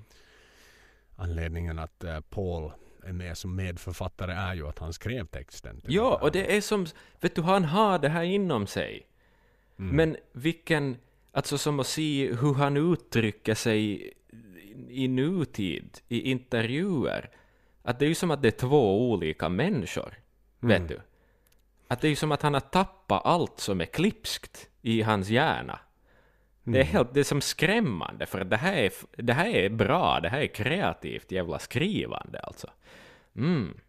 Extremt sofistikerat och det, det liksom döljer sig ett, ett geni inom Ja. Paul som har så svårt att hitta ut. Han skratt igen i alla intervjuer idag, alla liksom antingen officiella eller inofficiella. Hans, hans sätt att dölja saker är ett, ett väldigt nervöst skratt.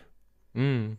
Mm. Så gör ju att allt faller liksom lite pladask på något sätt. Det blir liksom inte det, det blir aldrig en allvarlig slutsummering av vad Nej. han säger utan allt ska alltid skrattas bort. Japp. Allt ska alltid viftas bort som någonting ytligt vilket jag tycker är så synd med Paul Ja. och det öde som han ändå gick till mötes i efterhand och i efterhand och än idag. Mm. Det, det, är så synd. Det, det, det, det är så tragiskt för det känns som att det är ett, ett sant liksom hans människoöde är, är, är det är så dest, ofantligt självdestruktivt. Ja, det är så det är oerhört självdestruktivt så att man blir liksom lite förtvivlad inom sig. Man skulle vilja Mm. rycka tag i Paul 1980 och säga att du är en bra människa. Du har Mm. en jättebra sak i ditt huvud. Mm. Snälla vän, använd det på det sätt som faktiskt kommer att gynna dig i framtiden Ja. istället för att alltid, alltid, alltid slå krokben på dig själv som du kommer att göra under hela ditt liv framåt. Mm. Nej, alltså det är ju så här, ja, det är Ja, ju, förlåt. det är ju, det är ju så här vi vill minnas Paul. Inte den där snubben i någon trucker-lippis och någon konstig baseballtröja och, och, och liksom piercings i ögonbrynen. Det, det är ju det här vi vill ha. Det, det är ju hans stämma och hans, hans penna. Det är Mm. ju det vi vill ha. Det är det vi vill ha och det är det som finns utrymme för i världen. Mm. För det finns assholes i truckerkepsar och i baseballtröjor som inte uträttar ett fucking skit i hela Nej. jävla världen. Som bara är problem. Bara är en bekostnad för samhället. Mm. Men, men det var den vi ville ha. Men det var inte den det blev och det är det som gör mig så förtvivlad Ja. någonstans. Så, hans farfar som, som dog, som alltid sa åt honom Remember tomorrow. Det var någonstans det, hans positiva motto om livet. Mm. Vet du, det finns alltid en dag imorgon. Hur skit den här dagen än har varit. Och det var ju så den kom till den här texten. Men, men det är tyvärr någonting som Paul glömde bort så Ja. hastigt som man tryckte på stoppknappen i studion. Mm. För han borde verkligen ha tagit med sig det här mottot. Remember tomorrow. Japp. Istället för att försöka vara the worst guy in rock and roll Som han Ja. alltid har eftersträvat efter, ända sedan dess. Han ska vara värre än Mötley Crüe. Han ska vara en bad boy. Och det är så tråkigt. Det, det behövs inga såna egentligen. Varför måste han bli den människan? Jag, vi, vi ska gå in på Paul vid hans egna avsnitt men, men jag kan inte sluta nu än att jag har ju beställt då för, för halvår sedan eller vad det nu var hans biografi Mm. som jag ju skannade igenom naturligtvis inför det här avsnittet för att se om det fanns några intressanta detaljer och anekdoter och storyn då i samband med att de bandade den här skivan. Men den är ju så förkastligt skriven, hans Ah. biografi. Den är så ofantligt sexistisk. Aj, Den är så ofantligt våldsam, ofantligt glorifierande av, eh, av våld och droger. Alltså han Ah. målar upp sig som ett sant odjur i den boken. Och han har själv skrivit den, den är full av extremt dåligt språk. Mm. Men igen används språket i Remember Tomorrow. Ja. Men den är skriven som om han skulle prata in det i en podd. Och Just så är det. det. som att den skulle bli automatiskt transkriberad den här biografin. Och, Ah. och, och verkligen, han pratar inte överhuvudtaget om det här med okej vad var det som fick mig att skriva Remember Tomorrow. Och Ja. liksom, där har han utrymme att måla upp sig som en, profilera sig i sin egen bok som en konstnär. Mm. Men, men istället väljer han bara att fokusera på prostituerade som han, han hade liksom köpte sex av och han, hur mycket han söp och vem han sloddes med. Och, Ja, alltså han, han, han är så ofantligt destruktiv i, i vad han vill säga för eftervärlden också. Det, det gör mig så förbannat förtvivlad alltså. För Mm. han är ju en, jag vet inte underskattad men, men alltså, han ville aldrig göra sig själv en tjänst. Han gjorde sig själv en Nej. björntjänst om Japp. och om och om igen och han växte aldrig upp för fan. Han är 60 år idag. Än en gång senast nu då med alla hans bedrägerier med att få Ja. sjukpenningar och sånt här. Alltså, kom igen nu, du är inte en Hells Angels även om du tror att du är det. Du är en konstnärlig själ Mm. från, från väldigt trasiga förhållanden. Och Mm. varför tog du inte det med dig? Du kan alltid, alltid, alltid säga att du var Maidens första sångare under två Mm. ofantligt bra skivor. Men varför måste det gå så snett för honom? Och Ja, det, exakt. jag skulle vilja säga det åt honom personligen. För att Mm. det, det är så tråkigt och det är så tragiskt på något sätt hur det Ja, är. det är det. Liksom att han inte tog kvaliteten, kvaliteterna ur sig själv och Mm. förde det vidare. Att han var bättre än allt annat. Men Mm. så mycket fadäser med alla Architects of Chaos och allt sånt här också där han stämmer några tyska band liksom och kompband som att liksom det, han sätter så fokus på fel saker och det gör mig Ja. så olycklig innerst inne. Ja. ja, ja, ja. Så är det. Om du ser på liksom unga vitala Steve som studsar runt i Mm. fotbollsshorts och tight linne och ser ut som han skulle ha liksom varit 15 år och komma från fotbollsträningen. Mm. Och så tittar man på Paul idag liksom det. Han hade inte behövt låta det hända åt sig själv. Nej, nej, nej, nej. nej. Med tanke på den här låten som han ju precis som du säger. Jag skulle också säga att det är kanske hans bästa leverans. För den kommer Mm. så direkt från hjärtat. Jepp, exakt. Exakt, ja. Jag tror på varje ord han sjunger. Det är liksom bara så. Mm. Han gör den så bra som ingen annan hade kunnat göra den. Nej, ingen av nej, Maidens eh, två senare sångare hade kunnat leverera Nej. den på det här känslomässiga, engagerande sätt som, som Paul ändå har gjort. Och, Ja. och det gör mig ledsen. Det gör mig verkligen liksom... Varför fanns inte den här eftertänksamheten som den Mm. finns på Remember Tomorrow? Nu ber jag om ursäkt. Det har väldigt lite med, med låten att göra. Men Jo, jo, jo, men det var ändå det var, det var tillfälle att komma in på det ändå. Ja, exakt. Ja, nå, vi har bra nästa jävla låt. skit. Vi hoppar vidare. Som förklarar lite mer om anledningen till att Paul blev Paul. Japp. Running Free 3.14 också av Paul och av Mm. Steve naturligtvis. Japp, okej. ehm, mm. det, här är ju, det här är ju rockmusik, alltså. Det, ikoniskt, trum och bas intro. Det är så coolt, det liksom... Mm. Eh, det, det skulle kunna vara en... Alltså det, det kunde vara en 70-tals rocklåt. Men någonting uh, i gitarrerna gör det till metal. Och här, här kommer jag in på, okej vi, vi har intro, vi har versen uh, som kommer igång. Och där gör gitarrerna någonting okonventionellt. De gör en sån här liksom palm-mutad i, i riff, hur de spelar, alltså att det, det finns liksom, där är metallen i, i verskompet i gitarrerna. Och här tänker jag komma in på någonting som jag vet att Steve själv också är missnöjd, han är missnöjd med produktionen. Han skulle ha velat att gitarrerna skulle ha låtit tyngre på det här albumet. Det är aldrig någonting som jag någonsin har saknat. Men här tillät jag mig själv att fantisera lite.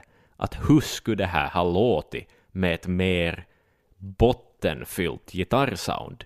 För då satan skulle det här ha varit otroligt metal. Det skulle nästan kunna låta lite thrash metal.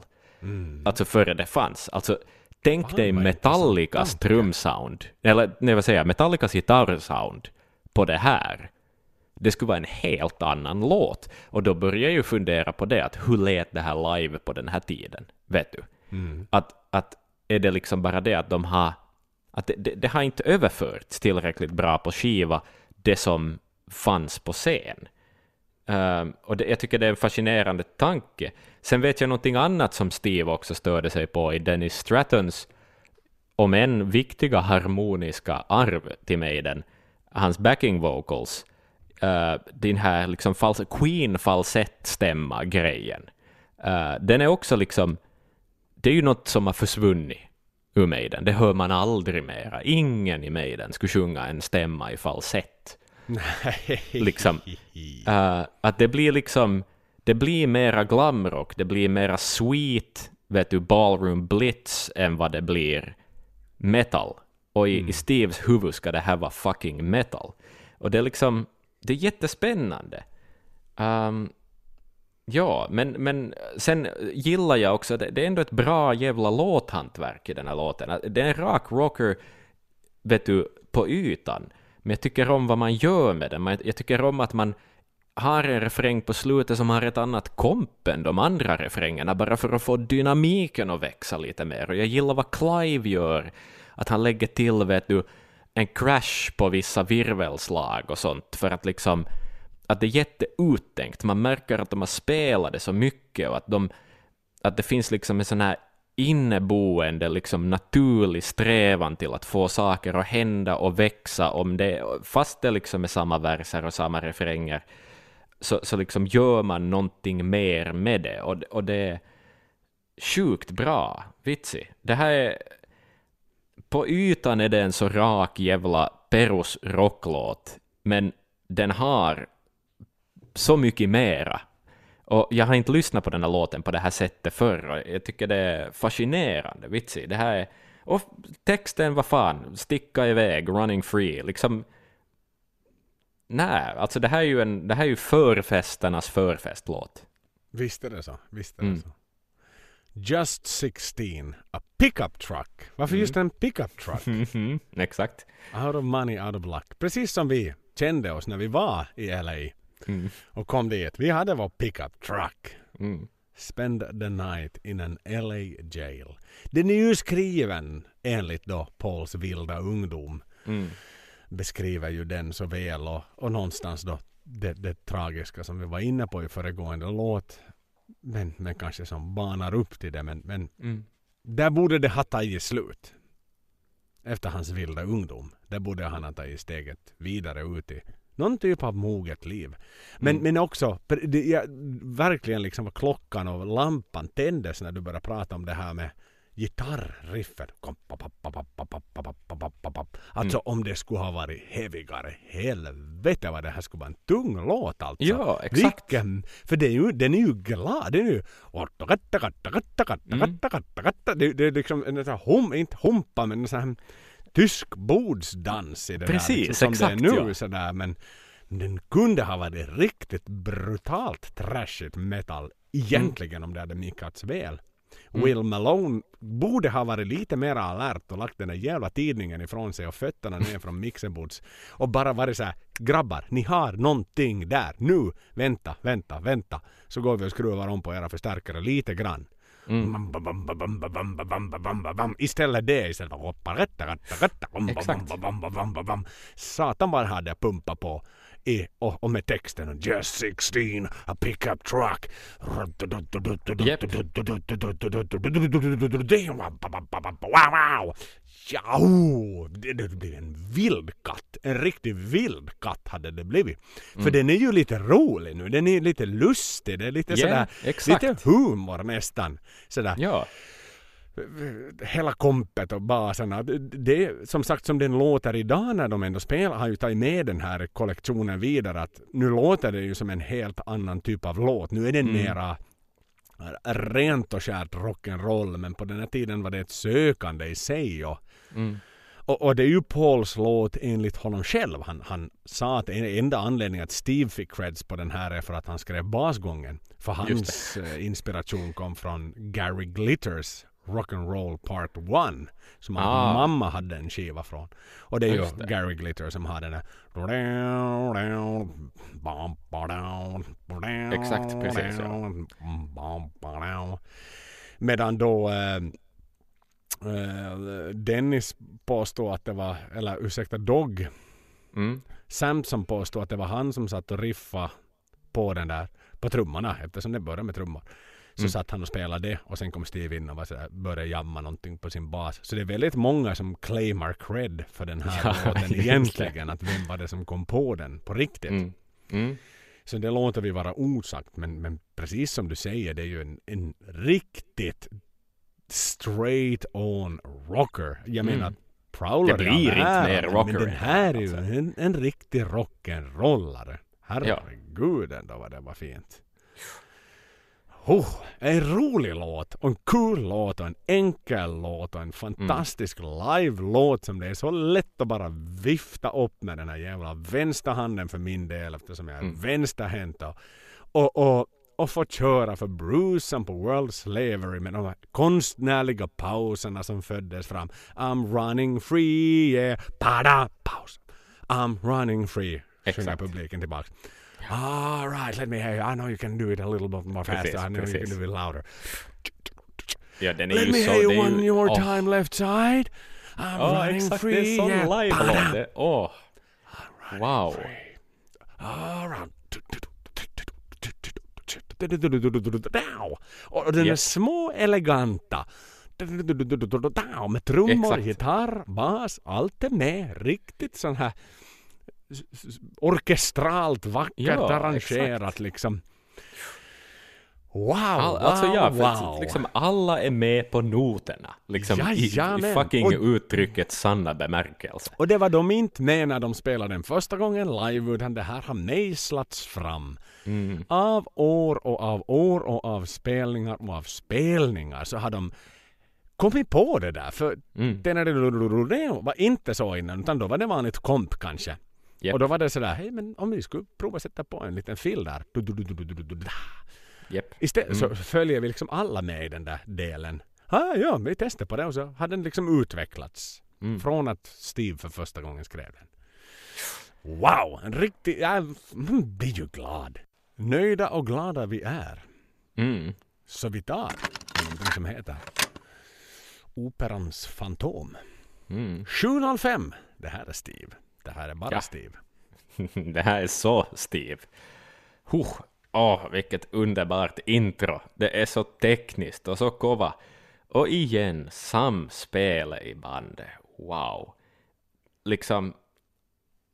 Jag vet inte. Det här är fan, alltså spontant fick det mig att tänka bara att det här är nog fan något av det bästa Maiden någonsin har gjort. Åh, så händelserik låt och det är liksom... Här finns så mycket som är som vad vi har klagat på senare. Det är mycket text i den här låten. Steve har varit i farten med pennan igen. Och det är liksom... Det är så nice med... Och, och ibland så kämpa på lite för att få med alla fraseringar och all info som ska vara med i den här låten. Men det är så nice. Huh. Ehm, och den är så progressiv. Det är så konstig melodi. Vad fan är det för jävla melodi? Men den är häftig och den, den är självklar. Ah, och sen rytmändring, snabb, snabbt.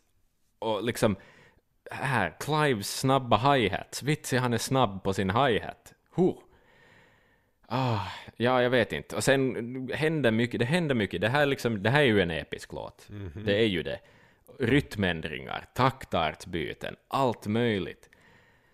Mm. Och liksom så snyggt och dynamiskt man efter den här instrumentala kavalkaden börjar bygga upp det igen och liksom det kommer till något smått, en till gitarr, virveln börjar bankas på. Kompe kommer igång, det är liksom, det här är new wave of British heavy metal. En Fuck. sån fucking new wave alltså. Ja, som ingen är- någonsin har sett förut. Nej, Det är så nice. Nya rytmer, nya riff. Och här kommer jag tillbaka till det, hur hade det här låtit med ett tyngre sound? Hade det varit mera metal och mindre progrock på något vis? Och ja, jag vet inte, det är, fasci det är fascinerande. Jag har, inte, jag har inte lyssnat på den här skivan och som på något vis tänkt på förr att hur hade den låtit med en annan mix, vet du? Men det, det, finns något i det, jag kan störa mig på att jag har kommit in på det spåret i, min, i min, mina tankar nu. Men det är, ju ändå, det är ju ändå så här den låter, den här skivan, och den är perfekt. Soundet är ju ändå perfekt, för det finns lite 70-tal kvar i det, och jag kan tycka så mycket om det. Mm. Bra solon, vad fan. Stämmorna, allting. Allting är så bra. Och sen tillbaka till det här jävla superriffet. Mera sång efter liksom en orgasmisk fest av bara bandet Iron Maiden och jag vet inte. Och sen, och sen det här häftiga, liksom trixade slutet. You'd be back at your lair. Med någon sorts delay. Och, och, och, liksom, och just då det tyst en stund, och så kommer det igen.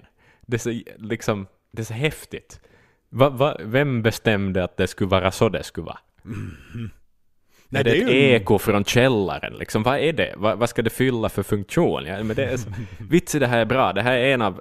Jag skulle säga att det här är en av mina liksom, absoluta Maiden-favoritlåtar. Mm. Mm. Jag, jag, kan inte annat, du stal orden från min mun.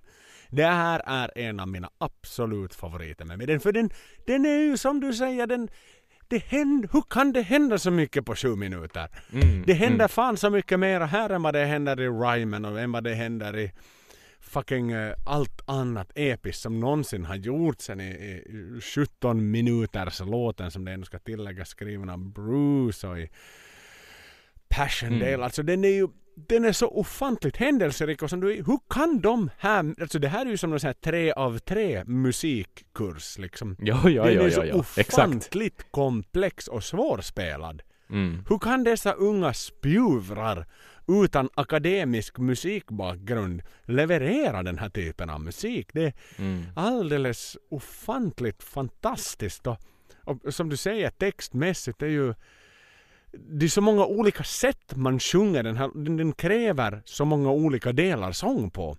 Mm. Det är liksom inte som i Remember Tomorrow när det är mjukt och fint och, och powerful, vilket är en fantastisk låt. Men igen, här är det, så, det, här är det sådana kravställningar på Paul. Att mm. han ska låta på det här sättet, sen ska han låta på det här sättet, sen ska han låta på det här sättet, sen ska han låta på det här sättet.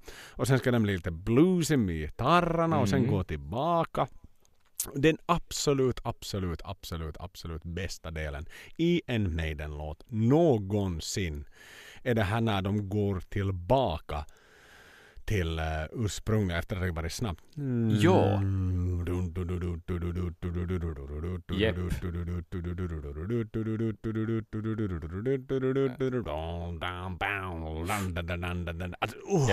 Och det där. Det där mm. gunget i Clives pukar. Alltså satan i gatan vad det där är tufft alltså.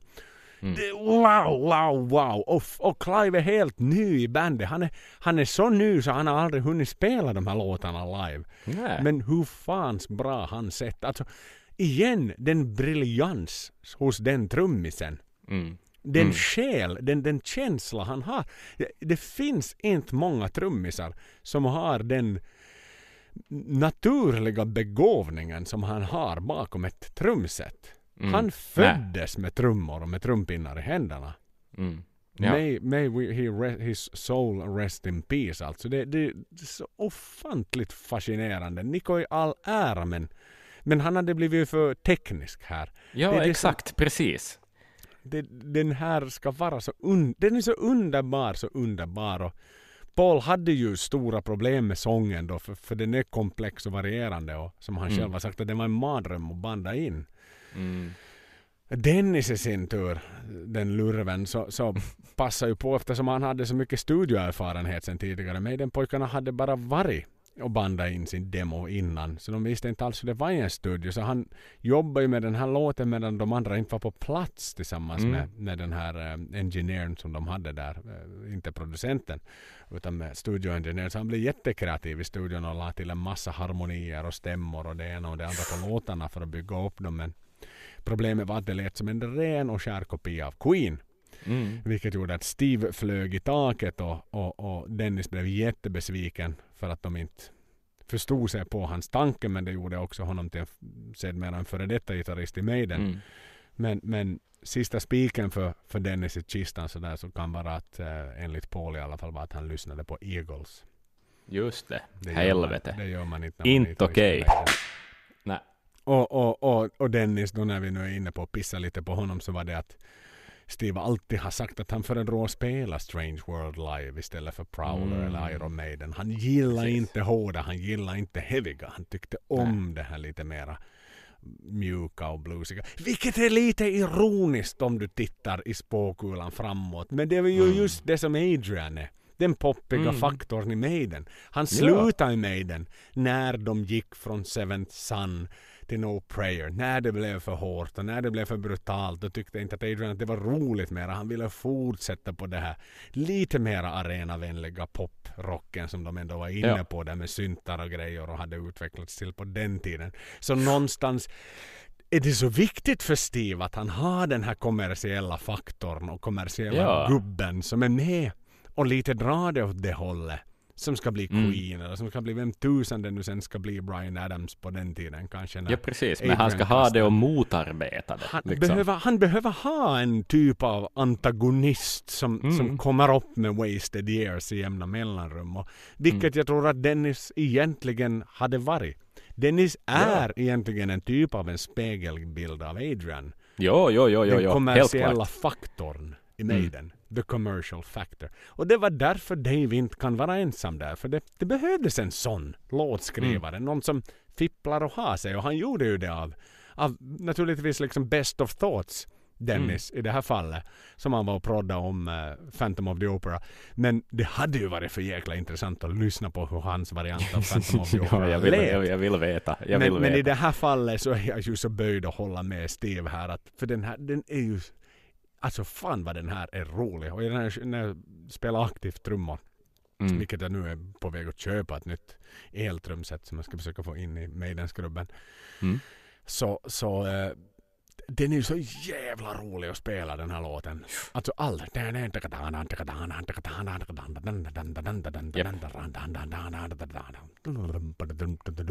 Ja, du får in alla komp du bara vill i den där låten. Fantastiskt. Och solorna också. Nej, som sagt, en av mina all time favorite. Den här ryms nog in på min topp fem. Om inte till och med topp tre av de bästa Maiden-låtarna som någonsin har gjorts. Mm, mm, mm. sjukt, sjukt, sjukt, sjukt, sjukt bra. Jag älskar den här låten och jag kan redan nu outa att det här är skivans i särklass absolut bästa låt. Även om den här skivan har helt sinnessjukt mycket fina låtar på sig. Men Mm.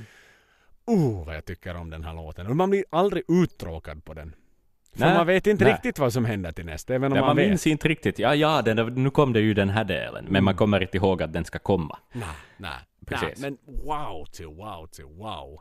Och som Mm. sagt, To Tame a Land är till och med kortare som ändå är den nästa episka låten som inte ens kom på Precis. nästa. Det, det dröjde liksom tre stycken skivor innan nästa episka låt skulle komma. Men att han hade det inom sig redan Steve. På första Mm. debuten, på pubarna spelade han episka låtar. Bara det, liksom. Ja, Det, det är så jäkla snärtigt alltså. exakt. Igen då, så vi är Byggd på, på- litterat, li, lite, litterära klassiker liksom... Vi är ju inne Vet på du- det här mm. konceptet, Loggan och Eddie. Men att, att till och med det ordet episk lång Maiden-låt som idag är så synonymt med dem fanns med från start. Alltså Mm. den här kokboken var ju för fan skriven redan. Alltså hela Mm. menyn fanns ju där redan. Men man Mm. tänker ju så sällan på det. Maiden växer fram och utvecklas och hej och hallå. Men Paul i, var i allra högsta grad med och spelar samma typ av musik som Maiden gör idag. Jo, jo, jo. Exakt. Det är ju så jävla roligt. Mm. Det är ju så jävla, jävla, jävla roligt. Alltså jag blir, blir, alldeles sprudlar inom mig för det, som, det blir såna här heureka-ögonblick som igen, som den här podden tillåter mig att, att verkligen prata om och grotta in mig på. Mm. Det är så Mm. kul, det är så kul. Det var inget Maiden 1 och det var inget Maiden 2 när Bruce kom in och Maiden 3 eller vad man nu ska kalla det när Blazen kom in. Utan allt fanns alltid där. Steve hade en plan. Hans röda tråd och han släppte aldrig den där jävla tråden när han gick framåt i någonting som heter livet. Utan han har alltid bara vandrat på. Åh, vad, vad jag blir glad. Tack för att det är 40 år av utmärkt musik. Tack igen, tack igen. Mm. Håll er nu trygga i coronatiden. Vi vill se er på nytt så snart som möjligt. Plocka hjärtans gärna in Phantom i Legacy of the Beast. Ja. Förläng konserten, plocka inte bort någonting. Förläng den för tusan. Vi kan nog stå där. Vi har, våra fötter håller sju minuter och fem sekunder till. Definitivt. Det gör de. Vi vill ha den här igen. Den är så fin och jag blir så glad. Ja. Ah, puss på er alla. Oh, jag är riktigt nykär fint. igen. Fint, fint. Åh, ja, kul.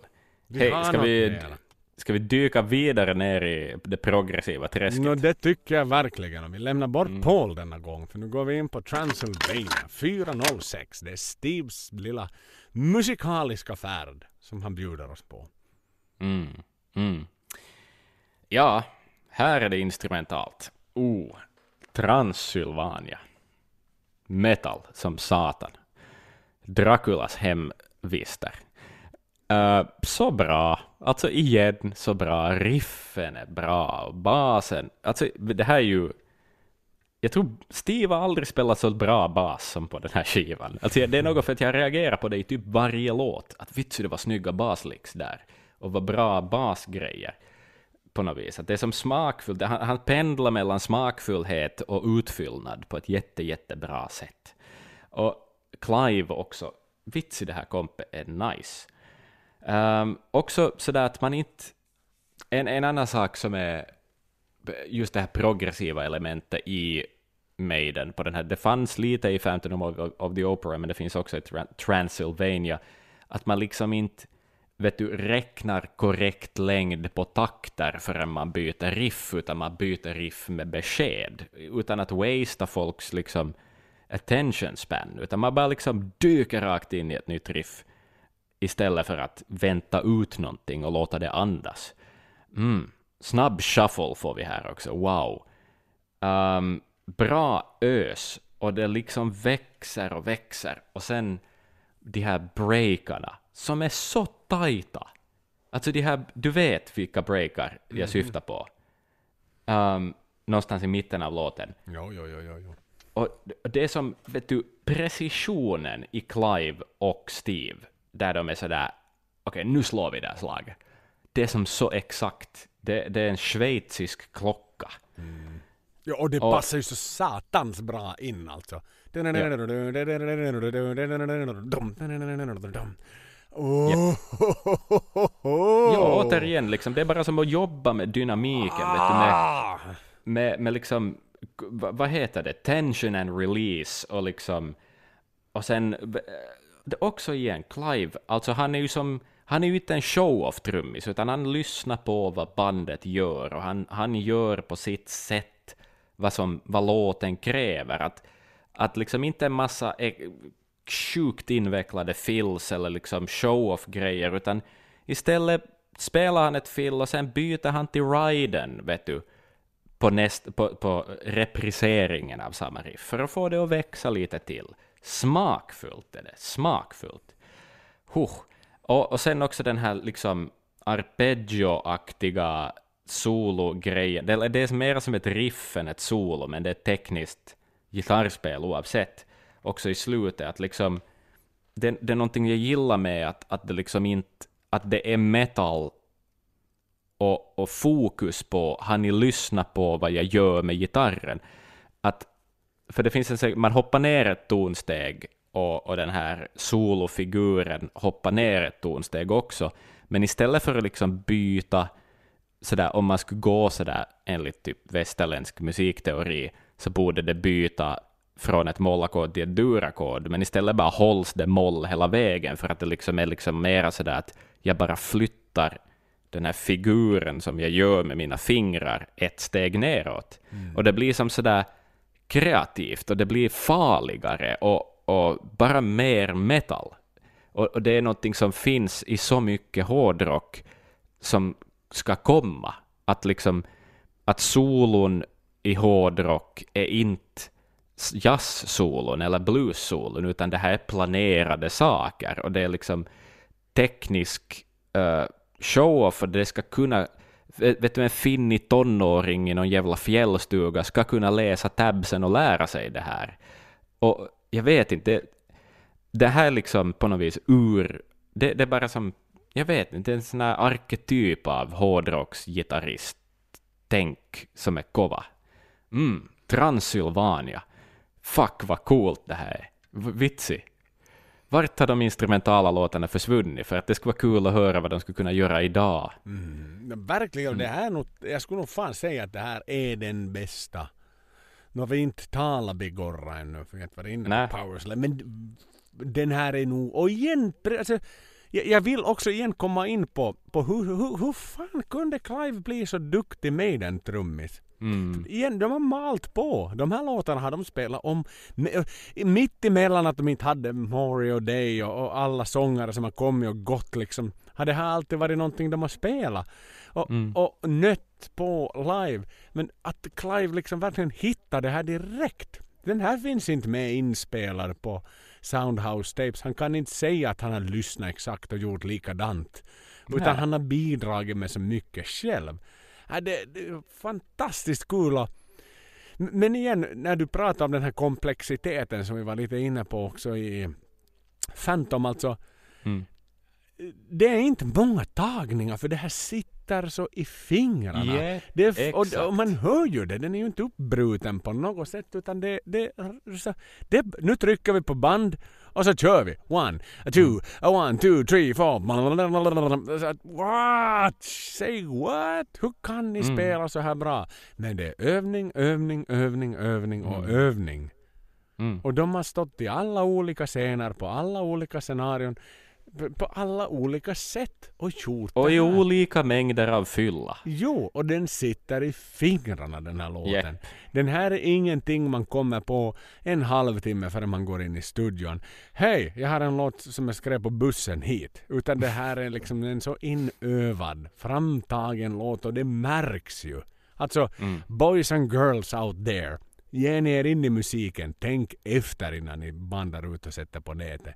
Det är ju det som gör skillnaden. Så enkelt är Mm. det ju. Det hör vi i Transylvania. Det här är en instrumentallåt som är gudomligt fantastisk. Det behövs ingen sång. Nej! Och nej, precis nej, som nej. du sa, jag vill ha en till instrumentallåt på nästa skiva. Vad Ja. coolt det hade. Varför kan de inte ta det där utrymmet? För de Mm. kan ju underhålla oss i fyra minuter, uppenbarligen, med bara instrument. Och det låter ju helt sensationellt bra. Mm. Så till den milda grad att de ju till och med under när, när Paul var i risig chick gjorde en av dem, jag tror det var Metal för Murders Cake-konserterna, utan Paul. Bara instrumentalt, Mm. hela vägen. Just det, exakt, precis ja. Så att jag menar, de har ju uppenbarligen spelat sådär. Men, men igen, det har varit uncertainty med deras sångare. De vet, men okej, fuck it. Vi har ingen sångare idag. Men vi har en konsert bokad. No, men vitt och vi far och spelar den ändå. En ja, gång sjöng det till och med roligt i alla fall. En Precis. gång bara. En gång bara. Men, men liksom, det, det var, vi, vi har en bokad kejka, vi är lojala till, till vad vi har gjort och nu är det, inte får vi fans genom att ha bokat konserter inte. Nej, nej, exakt. Ah, Som! Ul, var det Ulf Lundell som sa det någon gång? Sägs det. Ja, Att en, en avbokad spelning är också en spelning. det höll inte Steve överhuvudtaget med om. Nej, Han for nej. dit utan sångare istället. Han var sådär, no, vi, vi, spelar. Mm. You want a slow song or a fast song? Som. Biff sa åt oss när han var på Ruisrock. Mm. Och du ropar fast, eller alla ropar fast. Ja, ingen vem fan vill ha en slow song? Exakt på en rockfestival Saxon. Alla vill ha snabba låtar. Äh, jäkla roligt! Alltså, sprudla, en fyrverkerilåt är ju det här Jo, jo, också. jo, exakt. Ja. Nyårsfyrverkeri. Nästa år, nästa nyår så ska jag skjuta mina fyrverkeripjäser som jag aldrig skjuter. Men grannen sätter jättemycket pengar på fyrverkeripjäser. När han brassar igång sina vid 12 på natten så tänker jag sätta på Transylvania bakgrunden och lyssna på den tillsammans Ja, ja. fyrverkerierna går upp.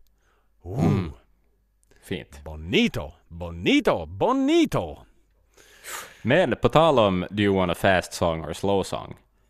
Så går vi till slow, slow song. Wow. Strange World. 540. Det här är Steves alldeles, alldeles egna låt. Mm. Och eh, vad skulle jag kalla den? Remember Tomorrow 2. I allra Äh, högsta grad. Ja, samma svävande sköna stil. Ah, så vackert det är. Men den är nästan, alltså vits i det här är bra. Det är inte sämre än Remember Tomorrow. Det är sam, vi är inne i samma sköna värld och samma jammiga, härliga filis. Åh, vilken dynamisk skiva det här är. Det är som, här har man gått från någon sorts, vet du, instrumental show-off-låt till till det här, tillbaka till lite Blue Oyster Cult på något vis. Så smakfullt och basen är så fin.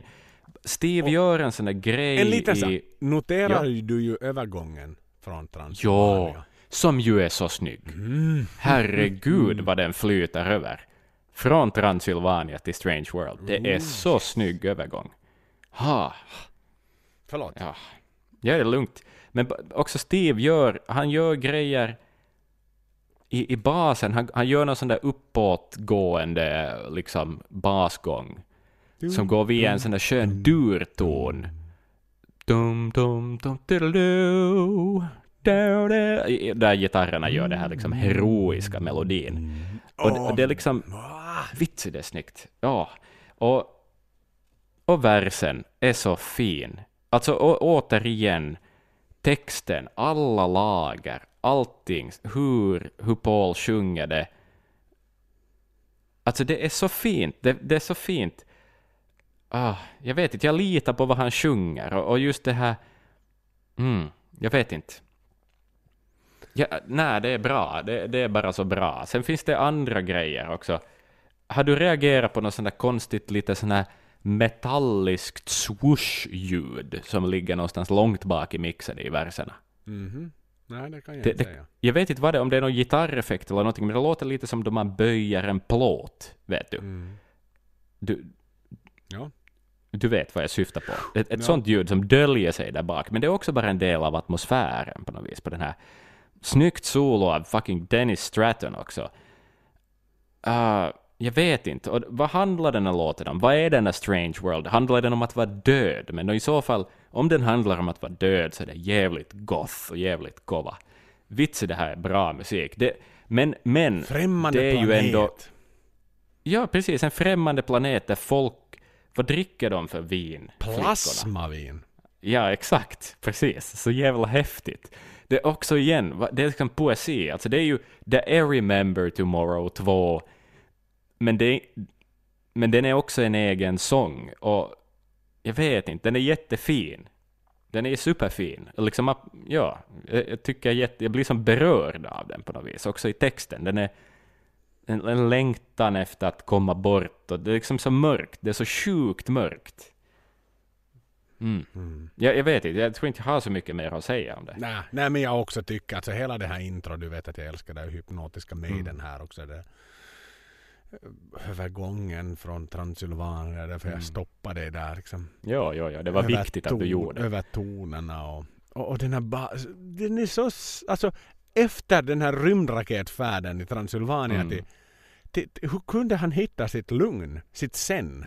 Japp. Bum, bum, bum, bum. Alltså den här basgången är ju så sövande. På ett Ja, så, så ofantligt, liksom, så vux. På Dubop Club i Vasa, en gammal jazzklubb, Mm. så finns det en, en, en, trum, en ba- baslärare på, på Kula-institutet eh, som, som spelar liksom med basen som en mandolin på magen Mm. för att han, den liksom ligger och vilar på hans stora fina liksom ölmage. Precis. Och, och, och precis som han. Dum. Jo, jag Alltså, ser, det- fram emot, jag ser framför mig honom spela det här på bas. Japp, faktiskt. Dum, dum, dum. Det är underbart, alltså så sofistikerad vuxenhet som Steve har. Ja. Från att då ha gått från liksom att visa pillen i buskar till, till liksom till, till det här. Hur kan han, hur, hur blev han plötsligt en sån vuxen man i en liksom grå kofta som står och skriver texter om The only place where you can dream, living here is not what it seems.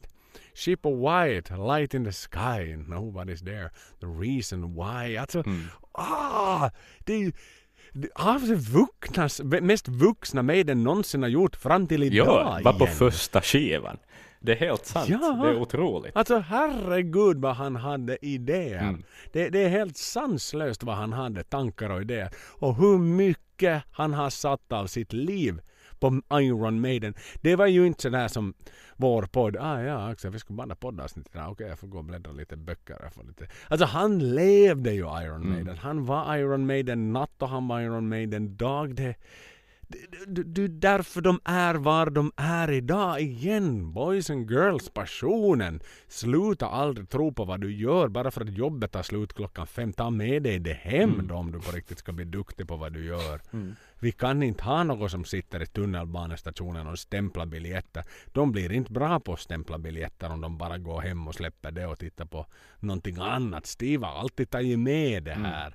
Strange World är igen ett utomordentligt bra bevis på, på att de verkligen förtjänar den framgång de fick. Vilket fucking statement! Alltså det, det här är så early days men det är så, det är så viktigt. Ja, det är ja. så viktigt. För jag menar, du har aldrig, aldrig sen var det två ballader på en skiva. Det var Nej. aldrig ballader Nej, nej, på en skiva. Nej. Prodigal Son i viss mån på Killers, men den var akustisk, men den var inte jätte... Du dansade inte en tryckare till Prodigal nej, den men är- här har du mm. två, här har du två tryckare. Mm. Herregud, och den här är ju rätt igen. Är riktigt wow, wow, wow. Igen alltså, jag, jag tycker så mycket om det Mm. här. Mm. Jag tycker om vad jag ser Axel, jag tycker om vad jag hör. Ja, ja, exakt. Vi går vidare. Det gör vi. Vi har, vi har en låt om en prostituerad som heter Charlotte. The Harlott. Den är 4.10. Den är skriven av Dave. Mm. Varsågod Dave. Det är din, din enda riktiga credit i Iron Maiden. Ja. Som du på riktigt gör. Gör på den skivan som, som allt egentligen handlar om. Mm. Det första. början på följetongen om eh, Mm. denna prostituerade kvinna. Ja, det är ju en rocker, den är rak, den är kova. Eh, mycket bra också övergångar mellan tempobyten och, och liksom återigen, jag kommer tillbaka till det här på typ varje låt, men man hör så tydligt att de har spelat så otroligt mycket. Och sen tycker jag om vad Stratton gör i, i verserna, för han spelar, han kompar på ett annat sätt än vad Dave gör. Han spelar mera så här staccato, vilket ger den här låten en ganska säregen prägel. Att det skulle kunna vara en rak rocker på ett annat sätt, men den har ändå något som gör den lite weird på något sätt. Jag vet inte om han spelar med fingrarna eller vad fan han håller på med, men att det är liksom jätte sådär... Han bryter av tonerna i riffet på ett, på ett säreget sätt, ska sägas. Um, och, och förstås, den kommer in på en öm del, den här också, där, där horbocken Paul sjunger ut sin sanna kärlek och hur, hur, hur utnyttjad och, och, och hur mycket synd om honom det är eh, då han köper sex. Um, och sen hårt igen blir det och solon och här reagerar jag nog på kanske det bara vad Steve kom in på, alltså just i gitarrsoundet, att det är ganska crisp, det är ganska bright, det är nästan lite jobbigt uh, ibland, i, speciellt i lead-gitarrer, att det blir liksom, det är jättemycket treble i det där soundet. Och rått kan man kalla det, punkigt, ja visst, men, men, mm, men textmässigt då, funderar jag, vad är det för blod han talar om? Charlotte the Harlot, Harlot, let me see blood. Varför ska han se det? Om han då älskar henne så mycket. Ja, du det är Daves Mm. dölja sig inne i, i en skattkista på Maui i coronatider. Det. Mm. Ja, varför skulle den bli så hemsk? Mm. Varför kunde det inte bara vara en ren och skär romans? Precis. Jo, jo, för det skulle ändå, Det vara, faktiskt- det skulle ändå vara en romans med en prostituerad kvinna. Det är ett bra låttema, vet du. Can't argue Mm. ja, ja. with that. Det är liksom, för en rocklåt, solid grejer. Man lite problematisera något, sådär, ett samhällsfenomen. Men, ändå bibehålla någon sorts, som ändå var stark då, liksom någon sorts macho-rock-grej, liksom. Mm, ja. Men varför, varför blodet? Funderar jag på. Mm. Ja, nej men det... Faktiskt, faktiskt. Jag förstår inte riktigt. Nej, nej. Visa benen. Ja, exakt. Ta mig till sängen. Får jag se blod? Ja. Ge mig kärlek. Ja. Nej men ja, var, varför, var, varför blodelementet? Det känns faktiskt lite överflödigt. Ja, man skulle, det skulle vara enkelt utbytbart ord. Man skulle Ja. kunna tänka fem minuter till och hitta på För något det lite... rimmar ju inte ens med Nej, någonting. exakt. Inte, lite love. Det är lite samma, ja, samma vokal man drar ut. Charlotte Hallard, see me the blood. Charlotte Hallard, let me see love. Mm. Blood och love rimmar inte heller. Nej, Let me see, hmm, hmm. Charlotte Hallard, let me see love. Exakt. Det, ja, ma- det- vet du, Make Me det Fly Like a Dove skulle redan ha varit bättre, nästan. Ja, Nå, kanske det säger sig själv. Mm. Kanske han inte skrev så mycket låttexter Nej, efter det här, nej. vilket han inte gör. Han har inte skrivit en enda låttext efter det här, utan det är guitar licks som han har satt till. Det är därför han är krediterad i framtiden på, på Maiden-låtar. Så Japp. det kanske också var sådär. No, Steve satt punkt där Mm. för att han hade ordet blod med. Vilket degraderade honom till, till en reservlåtskrivare i Iron Maiden. Mm. Så kan det vara. Hela låten ryktas ju egentligen handla om en kvinna som Maidens tidigare sångare Wilcock då hade en affär med. Mhm. Så att det är based on a true story. Just det. det. Just det, just det, just det. Vaguely i alla fall. Det är den första av tre då förstås som du var inne på. Mm. 22. 22! What is it? 22! Exakt. Razor Avenue! Och sen träffar vi ju henne i en musikvideo också. Mm. From here to eternity. När hon gifter sig med den här, Horbocken. här mm, horbocken med, med den här muttern på fingret. Precis. Så jag får ju vara, du har ju lovat att jag ska vara din mutterbärare nästa gång när det gäller. Nej men igen, alltså, det här är en bra låt men den är ju kanske den mest kommersiellt gångbara låten rent musikmässigt kan jag Mm. tycka. Mm. Så där, det, det är lite Led Zeppelin över Jo, fan det är sant det, ja. Det stämmer. Så att... äh, men den kanske inte riktigt hör hemma, skulle jag säga, komplexiteten vad vi har varit inne på hittills. Att den känns lite udda placerad på den här skivan. Mm. För det, den här skivan har varit så oerhört liksom infångande hittills. Nästan sån här hypnotiserande. Alltså man fattar verkligen att Maidens number one är så bra och att allt vet du, de finns idag och de Mm. är störst i världen och bla bla bla. Och, och, och man ser The Seed is Zone. Men den här, den här förlåt nu Dave, men, men lite en album filler. Känns Ja, det, det är som, om nog jag ska det. vara helt brutalt ärlig här och vilket jag ändå vill vara. Och jag, det, det är hemskt att säga om Daves enda bidrag Mm. och, och sådär. Någonstans han är den lojala gitarristen men det, det är en helt okej låt Ja, skulle jag ja, säga. alltså inte- men i mm. min värld så, så inte, inte är det nu liksom den rockar inte av mig mina strumpor när jag lyssnar på den. Utan, och, och, bra sång och bra sådär men, men den förför mig inte på samma sätt som låten innan. Nej. Den förför mig inte som Transylvania. Den förför mig inte absolut aldrig som Phantom eller Running Free Nej. eller Remember Tomorrow. Utan den är där och det är en ganska straightforward rocker, lite Led Zeppelin-influerad Mm. och sådär. Och, och kul att det blev en trilogi av låten men Nja, Mm. inte spelas ju den heller live. Alltså inte den här tagits med. Den, den här är igen bortglömd. Ja. Finns inte med på någon jävla best of. Inte, finns inte med på någonting annat än på första skivan. Nej. Så det är, väl, det är väl i min värld skivans första albumfiller. Japp. Det, det vill jag inte Nej, nej, nej, det är det. Det är det. Jag håller helt med dig. Och det är ju inga konstigheter. Jag menar vi vet ju att hur mycket har Dave skrivit hittills och hur mycket är han helt enkelt ensam krediterad för. Han är ingen låtskrivare Nej. Dave, han är en gitarrist. Mm. Alla är inte belönade med att vara basister och låtskrivare. Nej. Liksom eller sångare och låtskrivare. Sen ibland är man bara en gitarrist. Precis. Ibland är man bara en trummis som Niko är. Ja, Niko är en fantastiskt duktig trummis men han är ingen låtskrivare. Punkt och slut. Japp. Så enkelt är det. mm. Man, man är bra på sitt hantverk och sitt yrke. Man behöver inte alltid vara multitalent. Nej. Och det för mig vidare på den sista officiella låten på den brittiska utgåvan Iron Bloody Maiden. 3.31 Steve. Okej, var börjar vi här då? Det här är liksom... Det här är ju testamentet på något vis. Den, Signaturen. ja, självbetitlade låten. På den självbetitlade skivan av bandet med samma namn. Um,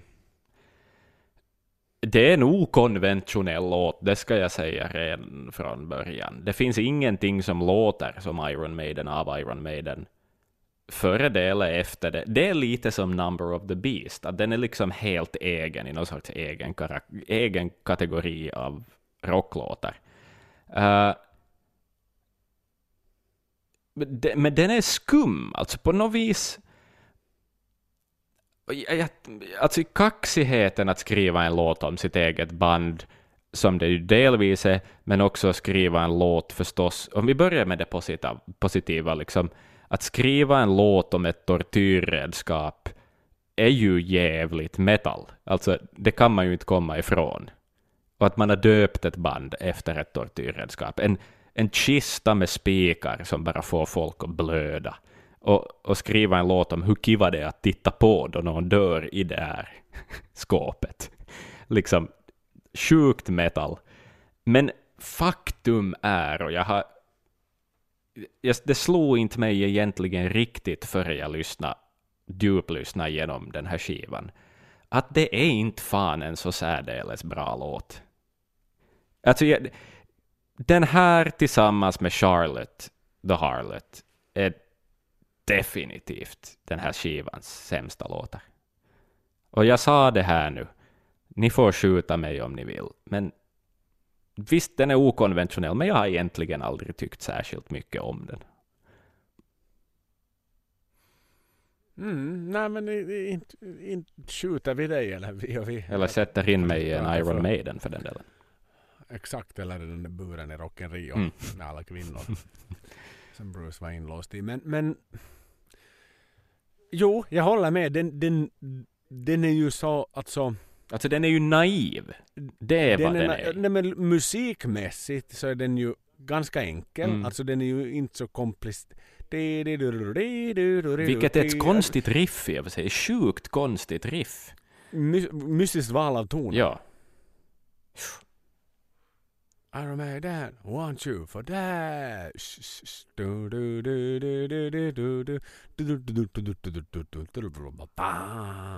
Men det, det är ju en live an anthem. Ja, det är en ja. live anthem. Det är deras... Alltså det är representationskontot, den här. Det på något sätt. Det, Ja, men det är inte en låt man lyssnar albumversionen av, bara. Nej, nej, utan den... Da, da, da, Ja, exakt. Att, jo, men det, det, nej jag håller med. Alltså jag också tyckte det när jag, nu minns jag tillbaks till, till liksom back, back, back in the days Mm. när jag hörde den här första gången så tyckte jag också att den var alltså nästan HC som man kallar det var. Så Ja. Det är lite HC. Den är ganska punkig. Den är punkig, ja. Jepp. Att det var, det var den svängen. Det var inte den här melodiska tajta Maiden. Utan den är ju så smutsig som Mm. den bara kan bli. See the blood flow. Det var ju Pauls favoritlåt. Det är Pauls favoritlåt med Maiden. Mm. Det var den låten som fick honom att gilla Maiden och börja i Maiden överhuvudtaget. Mm. Att tidigare har Paul faktiskt lämnat två Iron Maiden-konserter för han tyckte att det var så shit band. Just det. När han var och lyssnade på Mm. det här. Guys, let's go. They're shit. Vi går till nästa pub och pratar istället. Det är så satans högt ljud här Mm. och det är skit. Sen blev han en av deras sångare. Men, men, men den här tände till Paul. Men ber om ursäkt, det är inte corona tror jag. Men jag fick lite snus i halsen. Mm. Ja, alltså jag, inte kan jag heller hoppa upp och sätta den här på högsta pedestalen även om låten heter samma som världens bästa band. Mm.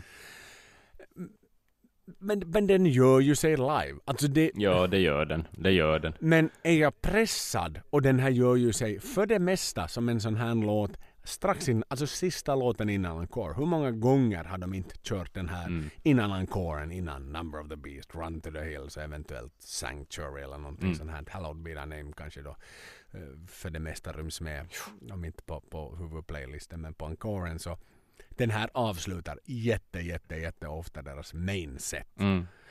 Och det, men det är väl en slags så, rojsig summering av Mm. hela konserten och ett sätt att aldrig glömma bort arvet Iron Maiden. Nej, och det är ju ändå heders, alltså på det viset att jag sa att det är en naiv låt, och vilk, vilket det är. Det är liksom en massa saker uppradade efter varandra, och just det där pudum. Vad är det? Varför har man kastat in det dit? Och det är just den där naiviteten på något vis, att de skrev den där låten någon gång back in the day, och de har fortsatt att spela den, de har inte ändrat på den, och de fortsätter än idag.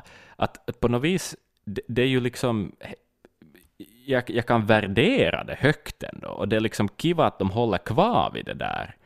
Men det är som, men som låt i isolation så tycker jag inte särdeles mycket om den. Mm. Ja, nej, men den är gångbar. Mm. Politiskt korrekt. jag tror att jag lämnar det där. Ja. Den är gångbar. Ja. Ska, ska vi smyga in den amerikanska låten? Annars får vi aldrig in Nej, den. det är ju det. Det måste vi nästan Sanctuary göra. ska vi ändå ha med oss. Japp. Vi tar med den. Vad har du att säga om den då? En fucking rock. Det här är ju Running Free 2. Mm, verkligen. Det blir inte svängigare Nej, så här. alltså det är ju så, det är ju liksom, det här är ju Little Richard rock and roll på något vis. Oh, Fast med yeah. lite mera dist och lite mera metal. Oh, men det är ju också en... Det är ju så bra, alltså det är en bra låt. Den är jättebra, den är minst lika bra som Running Free, tycker jag. Det är bara ös och svett och öl. Och never killed a woman before but I know how it feels. Bara en sån sak. Hur kan han vara så säker på det då? Ja, exakt. I, innan. Men han vet hur det känns. Ja. Det, det är igen det är så här Steves förbjudna pojkrum. Mamma kom inte in nu! Jag sitter och övar på basen. Steve, vad har du skrivit? Vet du, hon kommer in på kvällen när. Steve är på fotbollsträning. Pappa, borde vi prata lite med Steve? Varför står det så här på, på, på låtlapparna? Att jag har inte dödat en kvinna men jag vet hur det känns. Pappa, gå- går du in och pratar med Steve? hördu? Nu får du parkera din lastbil en stund. Mm. Steve, kvinnor ska man inte döda utan, och man ska inte liksom försöka visualisera sig hur man dödar en kvinna Steve heller utan vi är alla lika värda och, och vi har alla vår, vår plats i livet och va, varför vill du försöka känna hur det känns att ha livet av det motsatta könet Mm. Steve? Mm. Det, det, Ja. det är något vi behöver prata om Steve. Leave me alone dad! Fuck off! Men det är ju exakt, jag har själv varit där, jag har varit i Steves stol. Jag har skrivit dödsmetalllyrik när jag var 16. Om, om en mördare som mördar sina offer genom att strypa dem med deras egna tarmar. så, att, så att liksom, men det var, jag vet, ja, men han tog det snäppet längre och det är alltid kvinnliga offer. Det är liksom, det är farligt. Det är ju det farligaste man kan tänka på, på det sättet på något, liksom, ja, men det, jag vet men Sanctuary, fan. Och Sanctuary, bara liksom, bolaget Joel, bolaget, vad heter bolaget? Oh yes. Nej men exakt, det här är Det är viktig, klart det. det. här är viktig låt för mig den. Den är säkert minst lika viktig som deras självbetitlade spår. Jo, jo, men den här vinner ju alla dagar i veckan Iron Maiden-låten. Jo, jo, jo, jo. Snack om saken. Och Polissirener som de Exakt. här. Ja. Woo, woo. Som liksom slocknar bort också. Liksom. De är inte längre med. Mm. Sanctuary from the law. Och igen live, precis som Running Free. Mm. De där breakarna. Japp. Ja, och den här Janik, och Janik då får äran nu för tiden. När breaken kommer in. Du kan hålla den hur länge, du kan hålla, liksom, du kan alla gå och kissa i hela ishallen. och sen när alla har kommit tillbaks. Okej, är ni med? Och du kan fortsätta med det. Du, du skulle kunna ha en hel kväll med bara Sanctuary. Hela konserten skulle bara vara en enda Sanctuary. Exakt. Ja. Den kan all, den behöver aldrig Nej men det är liksom pubunderhållningsmusik då det är som bäst.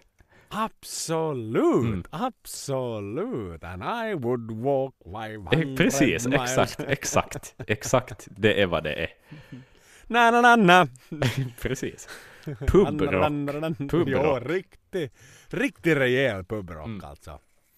Och air guitar friendly. Mm. Äh, en härlig jävla svängig satans låt. Wow. Mm. Jag tycker ju om den så mycket. Och den är ju, den är det, det här är ju sånt som verkligen är roligt att spela. Alltså, Phantom of the Opera är svårt att spela. Japp. Där är det tungan rätt i mun och du gör det på ditt sätt. Men det här är ju bara cool. Det här är ju rena, raka, rockiga riff. Mm. Du kan vara lite i fyllan när du Japp. sitter och spelar där. Och det blir bara bättre i dina öron. Ja. Det blir bara tajtare och det är roligare. Du tar dig friheter och stiger upp på en monitor och ramlar ner. Och andra gitarristen tar över och spelar exakt samma sak. Mm. Ah, en fan underbar jävla låt. Mm. Underbar låt. Synd att den inte liksom så här formellt är med på, på någon skiva. Det är lite konstigt. Ja. Sorry nu det, men varför bytte man nu inte ut Charlotte Mm. mot Sanctuary? Mm. Jag kan, jag är beredd Vi att hålla med. Mm. Ja. Klockan är mycket. Det blir ett långt avsnitt igen. Mm. Men det ska det vara Det var- också. Det är fan, det, det- här är, det här är helig mark alltså. Det är debuten. Ja. Det är debuten. Vi, vi, har, vi har gett mycket tid åt mycket annat också. Och det här är liksom där allt startade. Det, det, det är alltet och det är inget. Jag menar de fick en tre album deal. Men, men hade det här gone south hade de inte sålt sina 10 000 album första veckan Mm. så snabbt hade den där tre album liksom, eller dealen blivit degraderad till någonting helt annat och med den hade blivit kanske Saxon. Mm. Eh, För det var ett krig som pågick Ja, ja, under ja. Metal of Memphis. Det var 22 band som sloddes om that big thing att bli den stora internationally recognized thing. Men Maiden hade paketet. Mm. Maiden hade varumärket med Eddie, med loggan, med episka låtar. Men de, hade, de var ju en färdig produkt. Japp. Verkligen. Jag vet att det är hemskt att säga som fan. Men, men jag jobbar ändå inom affärsverksamheten också. Och i det här fallet var ju Maiden en komplett produkt från start. Mm. Mm. Och, och det tror jag inte att de andra hade. Nej. Det finns en anledning att Saxon ännu spelar klockan 12 på dagen på en rockfestival Mm. i Finland. Ja. Ännu idag. Tyvärr. Ja, ja, ja. Så enkelt är det. Så är det. Och att Priest då, som de kaxar sig ur, spelar i Linköping när de kommer till Sverige. Mm. Maiden spelar inte där. Maiden spelar på de största arenorna. De, de gjorde allt fucking rätt från start. Mm. Och det är ju det, det är så kul att ha identifierat det från den första skivan. Hur kunde de veta så mycket trots att de var så oerfarna och så unga och aldrig i helvete hade sett utsidan av England med en gitarr på magen? Mm. Hur visste de om vad alla ville ha? Mm. Och hur lyckades de i Uleåborg lite senare? I fucking Uleåborg. Mm. Och där var liksom eh, gubbar från Helsingfors som tog tåget upp för att se en konsert med ett brittiskt band som heter Iron. Liksom, hur kunde de tilltala Ja, exakt. människor så till den vilda grad att de åker över ett helt land för att se ett okänt band för första gången live? Till Lappland. Till Lapp- alltså Ja. osannolikt alltså. Ja. Det, det, men det var det de hade. De hade that thing. Mm. That thing som gjorde att du blev. Och som, som jag har så, jag vill ju ha. Jag leker med tanken så ofta. Att okej men vet du nu, är det slutet är nära. Mm. För de giganterna, inte bara Maiden men Metallica och alla de här astronomerna. Mm. Men vem tar över? Vad heter de? Greta van Fletchen eller vad Ja, nej, men det är inte Men de. inte det just, Nej. inte det är ju samma sak. Och inte det är Steves son. Nej. Inte det Raven Age. Vem blir... Vem är det unga, naiva pubrockbandet idag? Mm. Eller då Spotify-bandet som har fått en following. Som, som skiter lite i hur det låter i studion och bara är ute för att göra det live och underhålla och få fans och sälja skjortor och få en logotyp och få ett brand. Mm. Jag, det, jag är hemskt orolig för vad fan som kommer att hända om 20 år när Mm. inte dessa finns mer. Alltså, vad, vad ska... Vad, inte kan det nu vara så äckligt att det bara blir den här satans en gång skiten som snurrar framåt. Ja, nej, men det är nästan en annan, det är en diskussion för ett annat avsnitt som vi behöver göra ordentligt, men att fältet är ju bara Ja. så väldigt, väldigt annorlunda och det här kommer säkert aldrig att kunna upprepas på samma sätt. Förstås. Nej, vi, vi, vi, det är helt rätt där vi... Mm. Det är respektlöst att hitta svaret på den, men jag tycker att vi borde liksom, eh, bordlägga frågan. Ja, det gör vi. Det gör vi. Och vi kommer att återkomma till det. Vi kommer Det att återkomma kommer till det. Många Och gånger. Facebook finns vi på. In Mm. i gruppen om ni vill. Vi växer så det knakar. Instagram hittar ni oss på. Ge oss hemskt gärna reviews på iTunes om Mm. ni lyssnar på oss genom iTunes. Om ni inte lyssnar på oss genom iTunes får ni ändå gå och ge oss en review trots att ni lyssnar på Spotify för där kan man inte göra det eller på någon annan plattform. Det uppskattas väldigt, väldigt mycket. Uh, Maiden, uh, ett liveavsnitt kommer att utlovas på ett eller annat sätt. Huruvida det blir den 27 när Maiden skulle spela på Ullevi, det låter vi vara lite, lite osagt. Mm. Men ett live-avsnitt kommer att komma under sommaren om vi säger så. Ja. Det kan vi lova i alla Ja. fall. Och mina damer och herrar, puss och kram och Up the motherfucking irons.